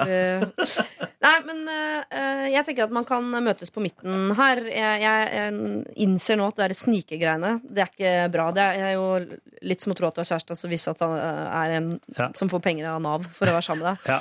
Uh, så det må dere slutte med. Men dere kan gjøre det, men, men åpent. At dere sier sånn uh, Fordi Rause Rolf går det ikke an å snakke med, tydeligvis. Men at dere er åpne sånn eh, vi kommer til å gi deg penger uansett. Være litt sånn hardt mot hardt. Og Mm. vippse nettopp. Vi vippser uansett hva du sier, så vippser vi alle sammen 200 kroner uansett hva du sier. Og eh, når vi skal til London nå, så kommer jeg til å si til deg at det koster 15 kroner. Det gjør det ikke, men du får aldri vite hva det egentlig koster. Fordi du skal betale 15. Altså at man bare er ser- åpen og hard på det greiene Se hvordan det slår ut på den stoltheten. Men så tenker jeg altså at eh, han tar alltid barregninga før vi andre. Det er det mulig å gjøre noe med. Ja. Altså, når vi vet at det er et problem problemet at han alltid Rauserolfs er klar med kortet, liksom, da må du bare stille deg ved siden av han og ta det før han. Altså, det kan man gjøre noe med. Ja. Du må være, hvis eh, Rolf er klar med kortet, så må du være jævlig klar med kortet i tida framover. Og så må dere være litt åpne om den snikinga deres, som er veldig fint at dere eh, vil hjelpe vennen deres. Og så er jo han en bra fyr, og han må få lov til å spandere innimellom. Det er det han liker. Vi skal hjelpe en som heter eh, David, med et problem som han har valgt å kalle en X, en øy og et 30-årsdag. Er ikke det fint? Det er fint, det er fint. Han skriver Kjære Lørdagsråd, jeg har et problem som da involverer nettopp en eks, en øy og et 30-årslag. Til sommeren skal eh, venninnen min feire bursdag på en øy med alle vennene sine. Denne venninnen er også venninne med min eks, som jeg fant ut for noen dager siden at også er invitert. Jeg har bestemt meg for å dra i denne bursdagen, og jeg har sagt det til venninnen min. Jeg og min eks gjorde slutt for snart to år siden, og vi har ikke hatt kontakt fordi jeg ikke vil. Forholdet endte veldig dårlig. Vi er to gutter for øvrig. Bursdagen skal være på en øy med overnatting, og det er ingen mulighet for å ta båt tilbake på kvelden. Problemet er at jeg har ikke lyst til å tilbringe tid med min eks, og jeg er redd for å bli fanget på denne øya med han. Jeg er redd for hva som kan skje da vi har mye uoppgjort. Skal jeg backe ut av hele bursdagen? Er jeg da feig i forhold til min venninne? Her er jeg rådvill. Kall meg David. Det er et dårlig brudd altså, mellom David og la oss kalle han Goliat, da. Mm. Eh, Er det og nå skal de antageligvis på en, eh, i en Eller de skal egentlig da i en bursdag sammen på en ødøy. Det jeg lurer på, er jo hvor stor, hvor mange gjester det er. Altså sånn Om det er en sånn veldig liten, hvis det er en gjeng på ti. Ja. Eller om de er 50. For det har jo litt å si, da, med hvor, hvor klaustrofobisk det vil bli. Og så kommer han på størrelsen på øya, selvfølgelig også. Og øya, ja. Hvis dette er dyna fyr, så er det jo kjørt. Men, eh, men er det litt større, så går det an å gjemme seg bort. da. Ja, men jeg, jeg tenker, er det så ille Klarer man ikke som voksent menneske å, å Og Det spørs jo hvor eh, ekstremt vondt det bruddet var. da Hvis det var sånn eh, masse utroskap som ikke er gjort opp i og sånn. Det så- hørte, hørtes jo sånn ut, Ja, for synes da, jeg. da, da kommer det jo fram etter nok øl. Uansett, liksom. Du, eh, du skal være ganske sterk psykisk for å klare å unngå det når du er på din tolvte bayer ute på en øy. Og, Ja. og typen står der, eh, eksen står der rett foran deg og bare sånn Ja, ja, hvordan går det med deg? Hva har du gjort siden sist, da? Så er sånn, skal du holde kjeften, gutten min, for du lå med fire av vennene mine, og det, da er vi i gang. Ja. Så um, det, er, han, det kommer til å bli bråk ute på den øya, med mindre det blir ligging. Men Ja. å ja, det kan bli makeup-sex, mener du, Niklas? Ja, absolutt. Ja. Eh, altså, du må huske på at homser ligger jo som dyr. Stemmer det? Ja, så så du mener bra, give it a go? Ja. andre. Jeg, jeg har lov til å si det fordi jeg er homo sjøl. Ja, ja, ja. Og vi kan tulle med det siden du begynte. Ikke? Yes. Men uh, det som jeg, jeg vet ikke om David tenker det, men som jeg håper at David tenker, som er en fin ting, er jo hensynet til uh, jubilanten. Er sånn Vil du ha to uh, dramatic gays on the desert island? Altså, jeg går over til engelsk. jeg. Bare, Ja, ja, men det, men er greit til våre engelske lyttere. one. Jo, men jeg bare tenker eh, det, er jo, det blir jo kjipt for David og denne eksen, men det blir også kjipt for bursdagsbarn. som er sånn, å ja, så Bursdagen min endte opp med å bli en sånn uh, bikkjeslagsmål nede i fjæra der. Men har ikke eh, jubilanten invitert disse to? eh? Jo, han har jo det, da. Jo, man er jo litt innforstått med hva man har gjort da. Ja. vil jo tro det, men øh, det er jo Det er også helt greit å stå over, tenker jeg. Altså, er det så Ja, ja, det vil kanskje være litt 30-årsdag på en øy høres jo Ja, vet du hva? veldig gøy ut, Men da. det må jeg si, 30-årsdag er ikke noe gøy. For det er bare, tro- nei, nei, nei. Jo. 30-årsdag tror man er gøy. Da er alle småbarn de er dritslitne. Festen er i prinsippet over før midnatt. Vent til Ikke på en 40-årsdag. øde øy! Vent til 40-årsdag. Jo, jo, jo. Det spiller ikke noen rolle, for at småbarnsforeldre klarer ikke å holde det i gang uansett. Vent til 40-årsdager. Da er det helt crazy. Og ikke minst, jeg har vært i min første 50-årsdag i fjor sommer. Det er crazy, det. Så da begynner festen å bli moro. 30-årsdagen er ikke så farlig. Den kan du, den kan du ditche. Altså hoppe over 30 og vente Ja, på 40? Vent i ti år til. Da er det forholdet tolv år gammelt. Da må det være mulig å kunne møtes på en øy. Det er, det, er, det er mulig å ha veldig stygge venner, men jeg har ingen venner som liksom nærmer seg barn. eh, Og jeg er 27. Så jeg, jeg, de 30-årslagene jeg har foran Uten meg å være for, for Men Har det noe med legning å gjøre, dette her òg? Nei, jeg har, har veldig veldig få homofile venner. Det er fordi jeg ligger med alle, og så blir vi uvenner. Det der og en Ødøy høres jo litt gøy ut, da. Bra TV-konsept. Men det er rart at jeg var, her var jeg i hvert fall sikker på at du, Kaja, skulle bringe til bords et forslag som jeg mener er ganske opp i dag At uh, Er det mulig at du, David, kan ta en liten prat med denne eksen før dette 30-årsdagen? Ja, det er kjempegod idé. Ja. Start en Facebook-samtale. Hei, vi skal på samme fest. Hadde vært ålreit om vi eh, kunne ligge istedenfor å krangle. For eksempel. Ja. Bare være enige om at vi krangler i hvert fall ikke. Alt annet er greit. ja, Eller kan vi møtes og krangle? Og jeg tror du det? Ja, jeg tenker at de må få Bli det ut nå. Jeg Leie en sånn cagefight-arena. Bare få det ut. Kjøre Så- MMA. Ja. Jeg tror ikke jeg, tror ikke jeg ville eh, tatt noe kontakt på forhånd. Jeg, hvis, han, hvis han har veldig lyst til å dra på den bursdagen, syns jeg bare han skal dra, og så bare la det stå til. Og så man, Det går jo bra. Jeg kan ikke Altså hvis, og hvis de krangler, sikkert sunt det òg, da. Da kan de få ut litt gammel gørr, og så vet jo bursdagsbarnet hva, hva som potensielt kan skje da, ved å invitere de to. Ja. Og kanskje det er bra at de er på Nødøy. At de nettopp da må de krangle ferdig. Det er ikke sånn at man kan sette seg på 20-bussen eh, litt sånn snurt i nitida. At de er nødt til å være på den øya sammen. Men det jeg tenker er at i hvert fall David og Golat Goliat kan bli enige om at ok, eh, kanskje vi kommer til å krangle på den festen, hvem vet. Eh, men la oss prøve å ikke ødelegge 30-årsdagen til Irita. Men det kommer an på hvor balansert det bruddet er. føler jeg, for Det virker som det er litt sånn Det virker som den personen som sender inn, er utrolig sitter igjen liksom og er bitter. da. Ja. Eh, å ta det initiativet da, det sitter langt inne, altså. Føler jeg. Eller sånn, sånn, det høres ut som man fortsatt sliter masse med den bitterheten, og da er det litt sånn du, nå skal vi dit, og jeg syns vi skal klare å oppføre oss. Altså, den motivasjonen er sikkert ikke så stor, egentlig. Så ja, jeg tenker at man ikke nødvendigvis må dra på den festen. Det Ja, kommer altså, liksom an på hvor mye han har lyst til å være på festen. da. Ja, og- Står det noe om det? og hvor mye han selvfølgelig føler at det betyr for jubilanten. Hvis det er sånn ja, det er kult hvis du kom', men herregud, jeg skjønner det, så vil jeg være bare dritt i det, liksom. Men uh, fordi, fordi er det noe vits i å ta hvis, hvis det kommer til å være en varig relasjon, de kommer til å møtes jevnt og trutt, så er det kanskje greit å konfrontere årene opp i den greien der. Men hvis dette er den ene gangen De har ikke sett hverandre på to år. Så det, er litt sånn, det kan jo være at bare, vet du hva det er ferdig over og ut, og så bare la det, det Så må man rydde opp i det, tenker jeg. Men David, skal du ikke gå i et 30-årsdag som potensielt kan bli veldig gøy, på en øde øy, som jo høres veldig gøy ut, og ikke enig, eksen din fortsette å ødelegge livet ditt nå to år etter at han herpa det fullstendig? Ja, Jeg mener jo at her hvis noen ikke skal dra, så er det jo Goliat og ikke David. Men det kan du ikke gjøre noe med. Men jeg syns ikke at Goliat skal få lov til nok en gang å, å fucke opp for David. Altså må David sitte hjemme mens alle andre er på Nødøy og fester. Ja, Men problemet er når to mennesker på en øde øy har dårlig stemning seg imellom, selv om de klarer å unngå hverandre, så kommer det til å gjøre noe med stemninga på festen. Ja. I hvert fall hvis det ikke er så mange. Da. Nei, det er ingen si. som bryr seg om det. Jo, jo, jo, jo, Hvis det er altså. ti stykker, da. Nei, det ville jeg aldri Hvis jeg hadde vært en gjest, og det var to stykker som drev og hadde noe Ja, jeg driti skikkelig langt hvis det er ti stykker, og du vet at de to der, her er det masse uavgjort, så hadde du gått og stirra på de. Hvor, hvor er de nå i Ja, den første halvtimen, men så drikker man. Man bryr seg om seg selv. Enig, jeg har akkurat vært på den de. festen ja, med de ti hvor to av de hata hverandre. Og det var veldig spennende første time der, og så ga man komplett F. Men ble det noe trøbbel? Ble det en konfrontasjon? Helt Smalt sikkert på et eller annet tidspunkt. Ja, Det det fikk ikke vi med oss. Det. Nei, men man, man, når man krangler, så går man jo til sides. Ja, gjør man det? Det er Ja, veldig mange som ikke gjør det, og spesielt homofile som er litt dramatiske. Ja. Nå, jeg Beklager til mine felles homofile der ute, jeg setter dere i båsen nå, men det får dere bare tåle. Men Men det er veldig mye- i. Det er, mye, det er mye armer og bein, og det er mye følelser og det er mye skriking. Og de Ja. liker oppmerksomhet. Altså, Vi homofile elsker oppmerksomhet. Ja. Og skal det krangles, altså gjør det seg midt i ringen, ikke utafor. Skjønner. Ja. Her er jeg tydeligvis altså i en bås jeg ikke kjenner godt nok eh, til. Det der kommer jeg til kort. Ja, da er jeg like langt, jeg, David. Jeg aner ikke hva du skal gjøre. Jeg syns, jeg syns Vi tar en runde på eh, dra eller ikke dra, så ser vi hvordan regnskapet ser ut. Jeg, sier ikke Kristiansen, stemmer for at du skal dra på fest. Henrik?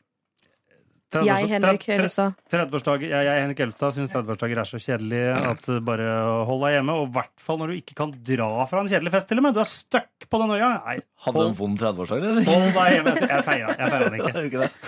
Kaja? Du må absolutt dra. Jeg, Kaja Gunnufsen, mener Det er så trosbekjennelse. Ja, du må si det. Å ja. Jeg, Kaja Gunnufsen, mener at du skal dra på øy. Mm, Niklas? Jeg, Niklas Baarli, mener at du skal dra på øy, ikke for å krangle, men for å ligge.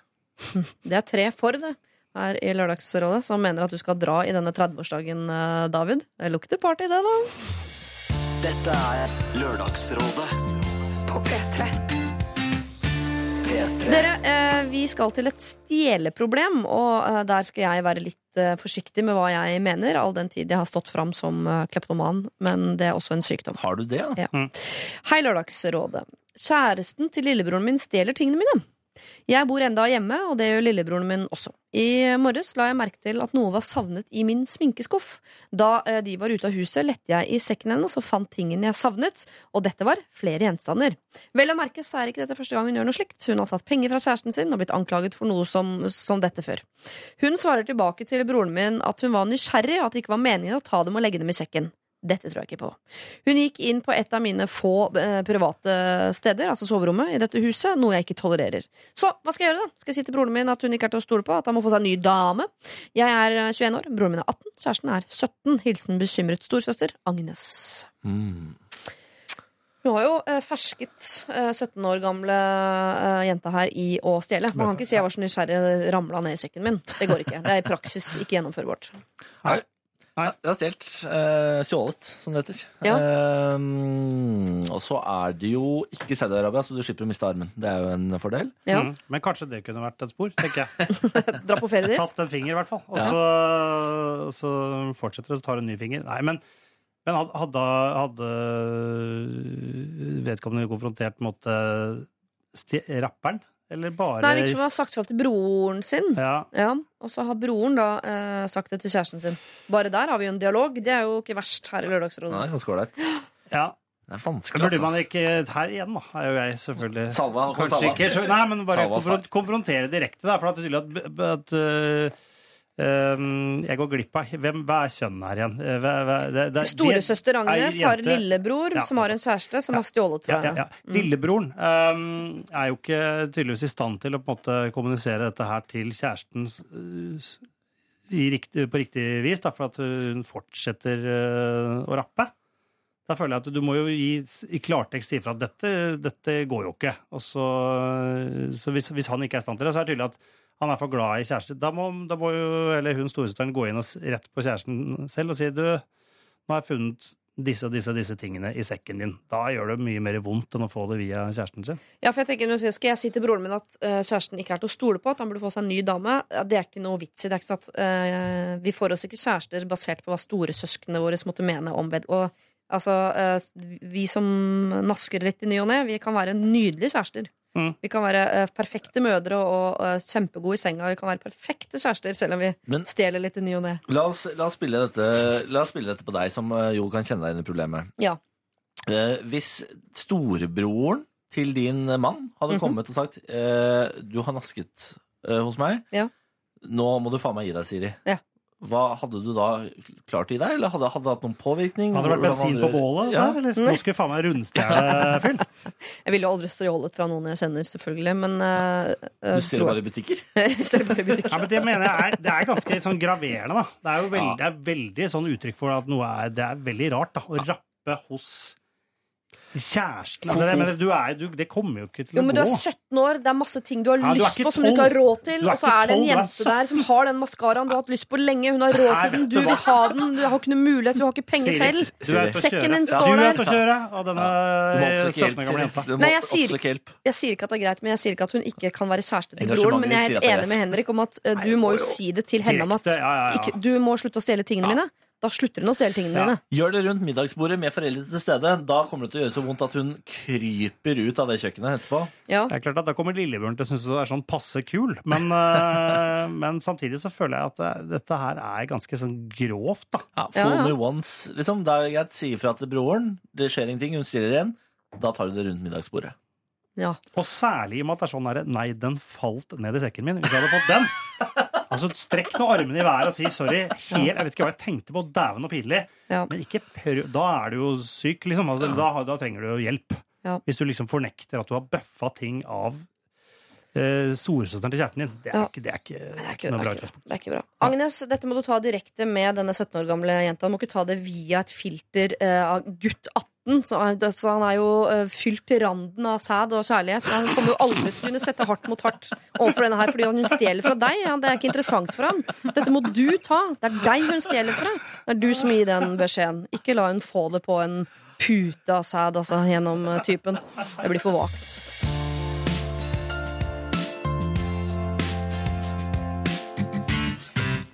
Jeg har trukket tre vinnere. Og til deg nå som ikke skjønner hvilken konkurranse det er snakk om engang. eh, Hva? Konkurranse? Lørdagsrådet? Er driver med aldri konkurranser her? Jo da, i dag har vi hatt en konkurranse om å vinne billetter til Rockefeller 22. mars. Da kommer eh, Lørdagsrådet dit og skal ha, eh, ha lørdagsråd, vanlig lørdagsråd med Stian Staysman, Ida Fladen og Torunn Isaksen.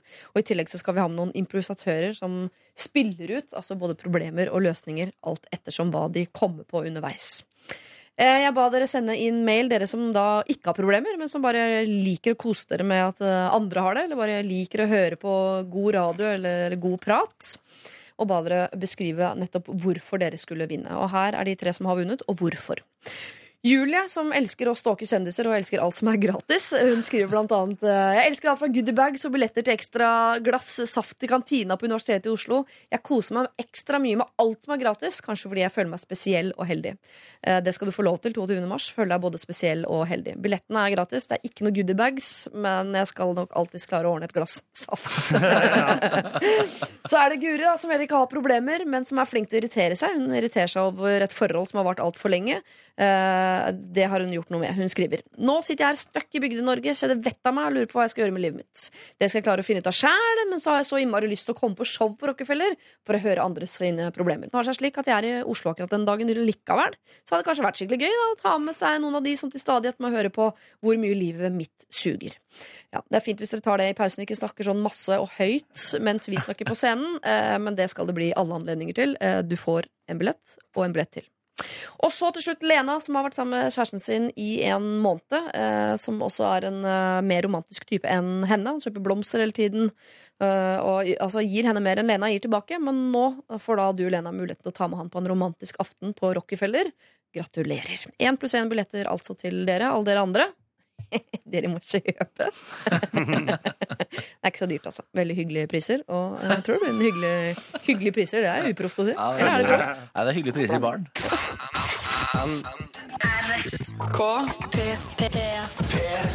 Vi skal prøve å løse problemet til en som heter Maja. Og når jeg sier vi, så mener jeg Kaja Gunnufsen, jeg mener Niklas Baarli og jeg mener Henrik Elvestad.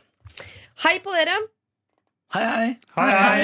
Jeg skjønte ikke at du snakket til oss, men det var, hvem ellers skulle det vært? Nei, ikke sant? Det er jo sykt, egentlig.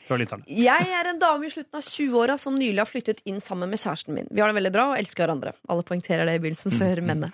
Men det er et lite problem. Han er en veldig spontan person med maur i ræva. Han har veldig lyst på hund, noe han sier at han har ønsket seg hele livet. Han sier det er et stort savn å ikke ha hund, selv om han aldri har hatt hund. Jeg derimot er oppvokst med hund og vet hvor utrolig mye jobb og ansvar og penger det er. Det kommende halvåret skal vi på ferie i Europa, Amerika, utveksling og jobbturer. Og selv om jeg sier nei, så tydelig jeg bare kan, har han faktisk allerede holdt av en valp fra april. Vi jobber begge turnus, og jeg er lite interessert i å være barnevakt for den bikkja når jeg kommer hjem fra nattevakt. Antagelig forstår han ikke konsekvensene av dette dyrekjøpet. Jeg har eh, ikke sagt at vi aldri kan ha hund, men jeg vil veldig gjerne ha litt tid eh, i den splitter nye leiligheten vår, for så å komme ordentlig på plass med hverandre før en hund. Tar jeg feil her, eller? Er jeg helt urimelig?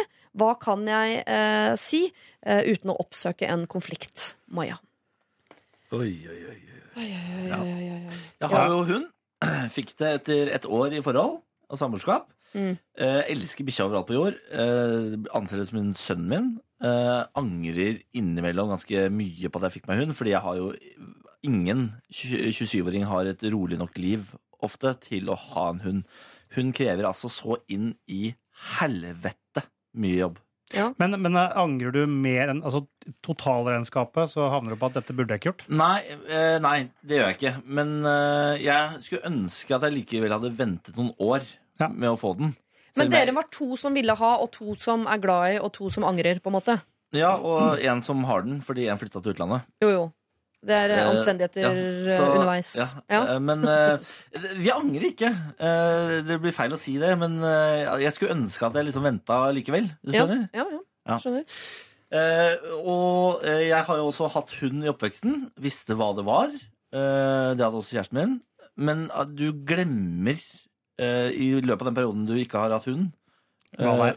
hva det er. Ja. For det er altså så Det er så mye jobb. Det Det- er så mye jobb. Dette er grunnen til at folk får en appoklatt når de to andre ungene er 13 og 15. Og Ja. sånn. Så bare Åh, det går koselig, men Ja. fuck, det var det greiene Jeg, der. jeg tenker jo at de ikke må finne på å få hund. Enig? Overhodet. Mm. Altså, hvis, hvis hun overhodet ikke vil, og han aldri har hatt det før det, jeg, jeg kan ikke se noe poeng med at de skal få hund.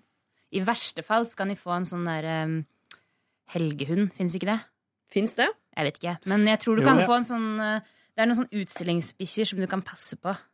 Ja, sånn, Sånne ja. som man driver Ja. og Hvor de har Hvor det er fòrvekt. Eller i hvert fall hvor de er mye borte en måned av gangen. Ja, okay, men de lever, sånn det er ikke sånn porselenshund som du kan ha med hjem for å kjenne eller sånn, Ok, der sitter den. Ja, ja, ja. Se ålreit ut. Men, men eh, nei, jeg tenker altså, Vi har hatt litt av den problemstillingen hjemme hos oss, faktisk. For kona mi er åpenbart at hvis jeg hadde sagt at vi får hund, så hadde vi hatt det, tror jeg.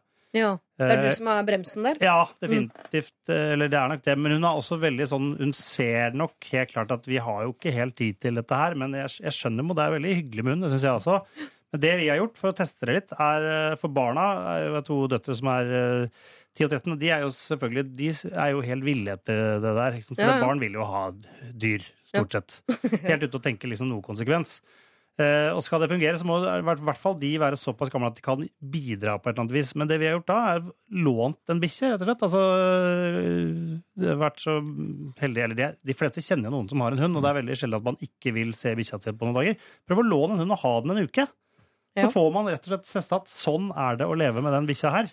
Og så må man huske på at å ha valp er mye, mye mye mer pes. Vi har jo lånt en bikkje som er tross alt uh, Pottetrent? ja, Ja. ja. som er sånn passe lydig, for så vidt. Men, altså, men, men det er uh, ukompliserte hunder. Men det er, det, er, det, er, det er utrolig mye styr. Men det er fullt mulig å teste det. Da er det vanskeligere med barn. Ja. Å prøve det på en måte i en uke. Det er ikke like lett å låne en unge. I en uke? Oi, bare si ifra. Jeg Ja, er jo, litt men, ja. Ja, men du, nei, da snakker jeg med spedbarn. Ikke liksom, Ja. Du får ikke En tolvåring blir verre, liksom. Og, Men jeg, jeg tror det er måten å Da får du testa det, da. Ja, fordi alle her er jo enige med Maja. Problemet er bare at uh, Maja er jo enig med oss, og det er jo uh, det er typen hennes som er ikke er enig. Så hvordan skal hun få han til å forstå det alle vi sitter her og forstår? Ja, Der er det låne hunden, jeg er helt enig med Henrik. Men jeg mener at du må faktisk lande den litt lenger enn en uke. Fordi en uke, da er du fortsatt i nyforelskelsesfasen. Du Ja. Er fortsatt ikke lei av å gå tre turer om dagen. For det er det du må gjøre. Og hvis det går i turnus, så er det ofte du som må ta ansvar for den bikkja sikkert hele dagen. Da, fordi den bikkja sover jo også om natta, liksom. Ja. Eh, og så få, få lån til bikkja i kanskje en-to uker, da. Uh, og la han ha det fulle ansvaret for den bikkja. For det er jo det er, Du må fortelle han ganske tydelig at han må ta ansvar for den bikkja når den bikkja kommer i hus. Så han må gjøre alt fra start til slutt i to uker. Jeg skal Mm. love deg at den mannen kommer til å i hvert fall tenke seg om to ganger til før han Kanskje avbestille den bikkja. Ja, fordi jeg er usikker på om Maja, hvis de da får lånt en hund, høres ut som et kjempeforslag. plutselig Pluss at egentlig burde du ha lånt en valp, bare for å liksom, for det, for å vite hvordan det første året der er. med Ja. Hvor de våkner på natta og skal leke klokken fire og må Ja, tisse klokken tre spiser og og sånn. bøbler og Ja. gjør fra seg. Men jeg er bare usikker på om Maja da bør foreslå Ok, vi låner en hund i to uker mens jeg er bortreist i to uker, fordi dette er ditt prosjekt. Jeg vet hva det vil si å ha hund. Eller om hun skal være der for å vise han Sånn blir vårt forhold også, når du har fått deg hund og jeg ikke vil. Jo, men jeg tror det er noe med å få det inn i den hverdagen de har. Og det er klart Hvis begge to jobber turnus, så er det helt at da må man ha det mer enn én uke. For hvis det er sånn at den ene får bikkja, så har man ikke prøvd det på, på ordentlig. Så nei, lar det seg gjøre å låne bikkja 14 dager. Alle hundeeiere er Hvorfor på bare en måned, ja. Det går greit. Så Niklas har vel en hund, Niklas har vel en hund faktisk, han kan låne bort. Bjørn elsker folk, han. Det går fint. Han kan, han kan ikke gå i bånd, men ellers er han veldig ålreit. Kan ikke gå i bånd? Nei, det, han, Funker ikke. nei det, vi har, var aldri noe gode på det. okay. Bryter aldri med det. Nei. Nei, men Maja, jeg eh, personlig jeg, jeg anbefaler ikke dere å gjøre det. Jeg syns egentlig jeg skal gjøre det når du er til stede, bare for at han skal få kjenne på det. Men jeg personlig eh, ville ha sagt eh, du låner en hund i to uker, mens jeg er to uker på eh, et eller annet annet sted. For da får du se hvordan livet ditt blir med hund og uten meg. For det er det som er uh, framtida her, hvis du ikke avbestiller den kan se hvor forbanna hyggelig det er. Ja, ja. Der hadde jeg satt ned et slags sånn ultimatumsfot, selv om jeg er eh, motstander av ultimatum sånn prinsipielt, altså.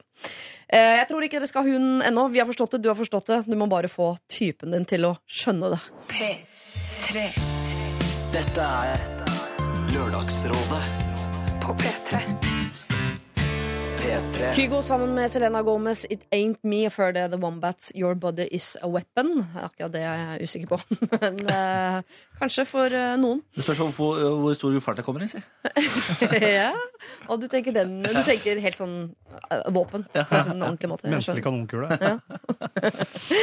Vi har gitt eh, våre råd i dag. Eh, De råd som skal gis, er blitt eh, gitt av Niklas Baarli Kai Gunnufsen og Henrik Elvestad. Og det eneste vi skal gi nå, er en kopp. Eh, Jeg skal gå gjennom fra toppen hvem som er kandidater til denne koppen. Det er altså Christian som lurer på om eh, han og dama kommer til å slutte å krangle hvis de flytter sammen. Eh, og det sa vi det finner du ikke ut av med mindre du eh, prøver. Eh, men vi håper jo det er sånn at dere slutter å krangle når dere flytter sammen. For det har mye å si både for deg og også for Niklas Baarli. Så vi, vi håper det. Bli sammen, vær sammen. Ja. Og så har vi Ida, da, som har en baby som gråt litt, som babyer gjør. Og naboen kom ned og klagde på støy klokken syv en dag. Har hun lov til å gå opp og konfrontere? Ja, det syns vi i aller høyeste grad at du skal gjøre. Gå opp og klikk litt på naboen. Den stemninga er ødelagt uansett. Arvestrid har vi hatt. Sofie har lyst til å ha et forhold til sin onkel, men onkel snakker ikke med moren til Sofie, og heller ikke tanta til Sofie. Der fikk vi sagt det. Eh, kan hun ta kontakt med onkel? Og det har gått mange år, og det er eh, dårlig stemning. Men vi syns jo det. Men du må nok involvere moren din, fordi det kan bli sett på som et eh, svik. Så har vi bruden, da, som lurer på om hun må nevne svigers i talen. Har ikke lyst til å stå og ljuge i sitt eget bryllup, og liker ikke svigers. Eh, Der inngikk vi vel et slags kompromiss. Du kan jo nevne at takk for at dere har laget en fin sønn. Eller så må kompromisset være at du ikke nevner hans foreldre, og han nevner ikke dine. Og så jeg, vil jeg veldig gjerne at du sender meg en mail etter dette bryllupet og forteller meg hva de sa i sin eh, tale. Det er jeg mildt sagt nysgjerrig på. Ja. Eh, vi har rause Rolf, som vi har blitt veldig veldig glad i. Han spanderer mer enn han kanskje burde. Eh, Viktor og hans venn lurer på hva de skal eh, gjøre med det. Og der er det bare å eh, sette hardt mot hardt. Bare insistere på å vippse, men la han få lov til å spandere litt innimellom. Han liker det tross alt. Så har vi David, dere. Husker dere han? En X, en øy og 30-årslag. Der har jeg litt tilleggsopplysninger, for nå har vi nemlig fått en mail fra en eh, som skriver Hei, jeg er muligens denne venninna som skal ha denne festen på denne øya. Jeg vil bare påpeke at det vil være en stor fest, typ 50 personer i hvert fall. Øya er forholdsvis stor, så det vil være mulig å gjemme seg bort eller holde seg på hvert sitt hold, men det vil også være mulig å komme seg hjem med båt. Han er altså ikke strandet på en øde øy, han kan komme seg hjem med båt hvis det skulle bli krise. Det vil dog være mye morsommere å overnatte, da, da de fleste skal det, men det går altså båt tilbake til land, selv om tidspunkt eh, for retur kan bli før eller etter det man eventuelt måtte ønske. Hilsen Rita. Ja, da modererer jeg meg kanskje litt. Altså. Da kan du vurdere å dra, faktisk. Ja. Vel ta bå- første båten hjem. David, da blir det altså 30-årsdag på deg eh, på denne øde øyen hvor du er nødt til å møte din eks. Om det blir en kopp, det vet jeg ikke ennå. Agnes er også med i kampen om denne koppen. Eh, Agnes er storesøsteren til en fyr som har en dame som stjeler. Eh, Så det skal dere vite at hvis hun får koppen, så kan det være hun ikke har den så lenge. og så er det Maja til slutt, som absolutt ikke vil ha hund, og det skal hun heller ikke ha. Men skal hun ha kopp? Nei. Nei. Viktor skal Nei. ha kopp. Viktor som er venn av Rauserolf. Jeg er litt enig. Ja, eh, fordi han eh, virker som en sånn nydelig fyr. Mm. Eh, og jeg føler nydelighet innimellom skal belønnes. Takk for det. Her, I det programmet her så er det ofte sånn de mest liksom, uh, heftigste problematikk... Uh, hva heter det? Pro problemene. Eh, de belønnes med kopp, men her føler jeg at vi må bare hylle en sånn utrolig positiv Både en fyr som er for raus til, å- til sin sin egen inntekt. Det er jo egentlig helt eh, Det pleier å være motsatt. Mm. Og så Det kom, nevne, det kom inn en mail også fra en som uh, påpekte at det kan jo hende at denne rause Rolf har en litt sånn lyssky virksomhet på siden som gjør at han egentlig har ganske mye penger, men han kan ikke fortelle noen om hvor de kommer fra. Han må bare bli kvitt de. Ja, han er likevel raus, da. Ja. Så det, Om det er narkopenger ja, ja, ja, ikke sant? Dele narkoinntektene med andre folk, da. Det er jo det Altså er få narkopengene inn i liksom Ja. felleskassa. Ja, ikke sant? Hjelp råd for hvitvaske, det er vel egentlig det vi, vi sier. Men jeg syns det er eh, noe veldig sånn grunnleggende positivt, da, som, eh, som uh, fortjener en, eh, en kopp. Så kan, eh, kan han drikke shotsene fra den koppen i baren, han Rolf, da, vet du. Henrik og Niklas, dere har kjempelyst til å bli med vennegjengen til eh, Viktor Venn og Rause Rolf. Hvordan er det med deg, Kaja? Nei, det var ikke det, det, var ikke det vi sa. Vi har det. Dere ble litt sjarmert av vi det, vi. Hvordan er det med deg, Kaja? Nei, jeg eh, er enig i at det den fortjener, men også kanskje den her situasjonen med det arve, arvetullet. Fordi Ja. da kan jo også den koppen fungere. Da er det jo mest sannsynlig noe penger og noe greier som er rota til mye vondt. Så da kan den koppen funke som en slags sånn fredsgave. Hvis for eksempel onkelen kan da gi koppen til søstera si, eller Søstera kan gi koppen til broren. og så er det-? Ja, og så er det en slags sånn forsoning i at eh, Jeg vet ikke hvor mye den koppen er verdt, men det er jo i hvert fall Foreløpig fint lite, men uh, aner jo ikke hva affeksjonsverdien blir for folk. Nei, det er et Se, se onkel Lia har luftet familiens problemer på radio. Her, ta koppen og bli venn. Jeg vet ikke om det Eller den som sånn. kommer dårlig ut av arve, arveoppgjøret, kan få koppen. Selvfølgelig, sånn at det blir en slags kompensasjon. Ja, det var det jeg Ja, men da er kranglinga i gang igjen, for alle Nei, mener vel at de det, kom altså. dårligst ut, antagelig. Ok, ok, ok, men jeg syns fortsatt kopper, eh, de trenger en kopp. Ja. Ja. Ja. Men kan du bli med på laget til uh, gutta? Vi kan bare sende ut én kopp. Å ja, sånn ja. Ja. Jeg trodde målet var å være litt uenig her, jeg. Nei. Nei, ok, nei, absolutt. Han rause fortjener absolutt en kopp. Da blir det en uh, kopp altså til uh, Viktor Venn fra dagens uh, rådgivere. Uh, tusen takk for i dag. Lørdagsrådet er tilbake om en uke. Uh, send inn problemene dine. eller alfakrøll.nrk.no. Dette er Er P3. Hva er det vi skal ta nå, da? Nå er det podkast. altså, prat, nå, er det etterpå. Nå har folk hørt hele 1 time og 40 minutter. Ja, så deilig, da. Jeg har hørt tre timer, jeg. Du har tatt en avokado. Mhm. Shit, det var noe jeg lurte på jeg had, Som jeg tenkte på i uka Som jeg, skulle, som jeg lurte på. Ja. Var det ikke noe god avokado? Ja, Avokado uten salt det er liksom Ja. bare avokado. Sorry, så jeg spiser på radio. Jeg er ferdig. Spise på podkast? Radio, ja. Er det det? Ja. Er podkast radio? Ja, det er jo det. Ehm, jeg husker ikke hva jeg skulle spørre om. Fader, jeg hadde så godt spørsmål! Helvete. Jeg satt på toget, jeg kjører mye tog, og satt på toget og tenkte sånn Nei! Det skal jeg spørre om. Og så kommer du ikke på det? Nei. Jo, det som du har på det, for fjeset ditt lyser. Jeg har kommet på det, men jeg tør ikke. Nei, nei, nei, Er det veldig privat? Nei, nei, nei. nei, nei. Er det slemt? Nei. Jeg elsker slemme spørsmål. Jeg skulle ønske folk var flinkere til å, å stille meg til veggs med slemme ting. Tror du ikke, Det er ingenting du kan tenke om meg negativt som ikke har tenkt sjøl. Men jeg tenker jo ikke så mye. Men dette er jo, det kan jeg jo, du tenker jo masse negativt om deg sjøl. Elsker meg sjøl, jeg. ja, ja, men du tror at alle andre tenker negative ting om Ja, deg. Men det, vi gjør ikke det. Nei, Men ble du såra da Niklas snakket om hårpynten din i dag? Nei. Jeg har fått så, akkurat den hårpynten her har jeg fått så mye negativ respons på. Er det sant? Mm. Det står ganske fint, det. Jeg synes det er kjempefint. Men jeg er en strong, independent woman, så hvis jeg liker det, så er det, så er det ikke så farlig for meg.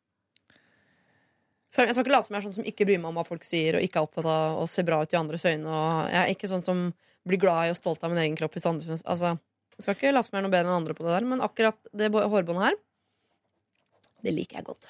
Jeg synes alltid det er litt vanskelig hvis folk sier sånn Oi, shit, den jakka var fin, eller den genseren var fin. Og sånne ting Jeg synes det er litt vanskelig å ta imot komplimenter.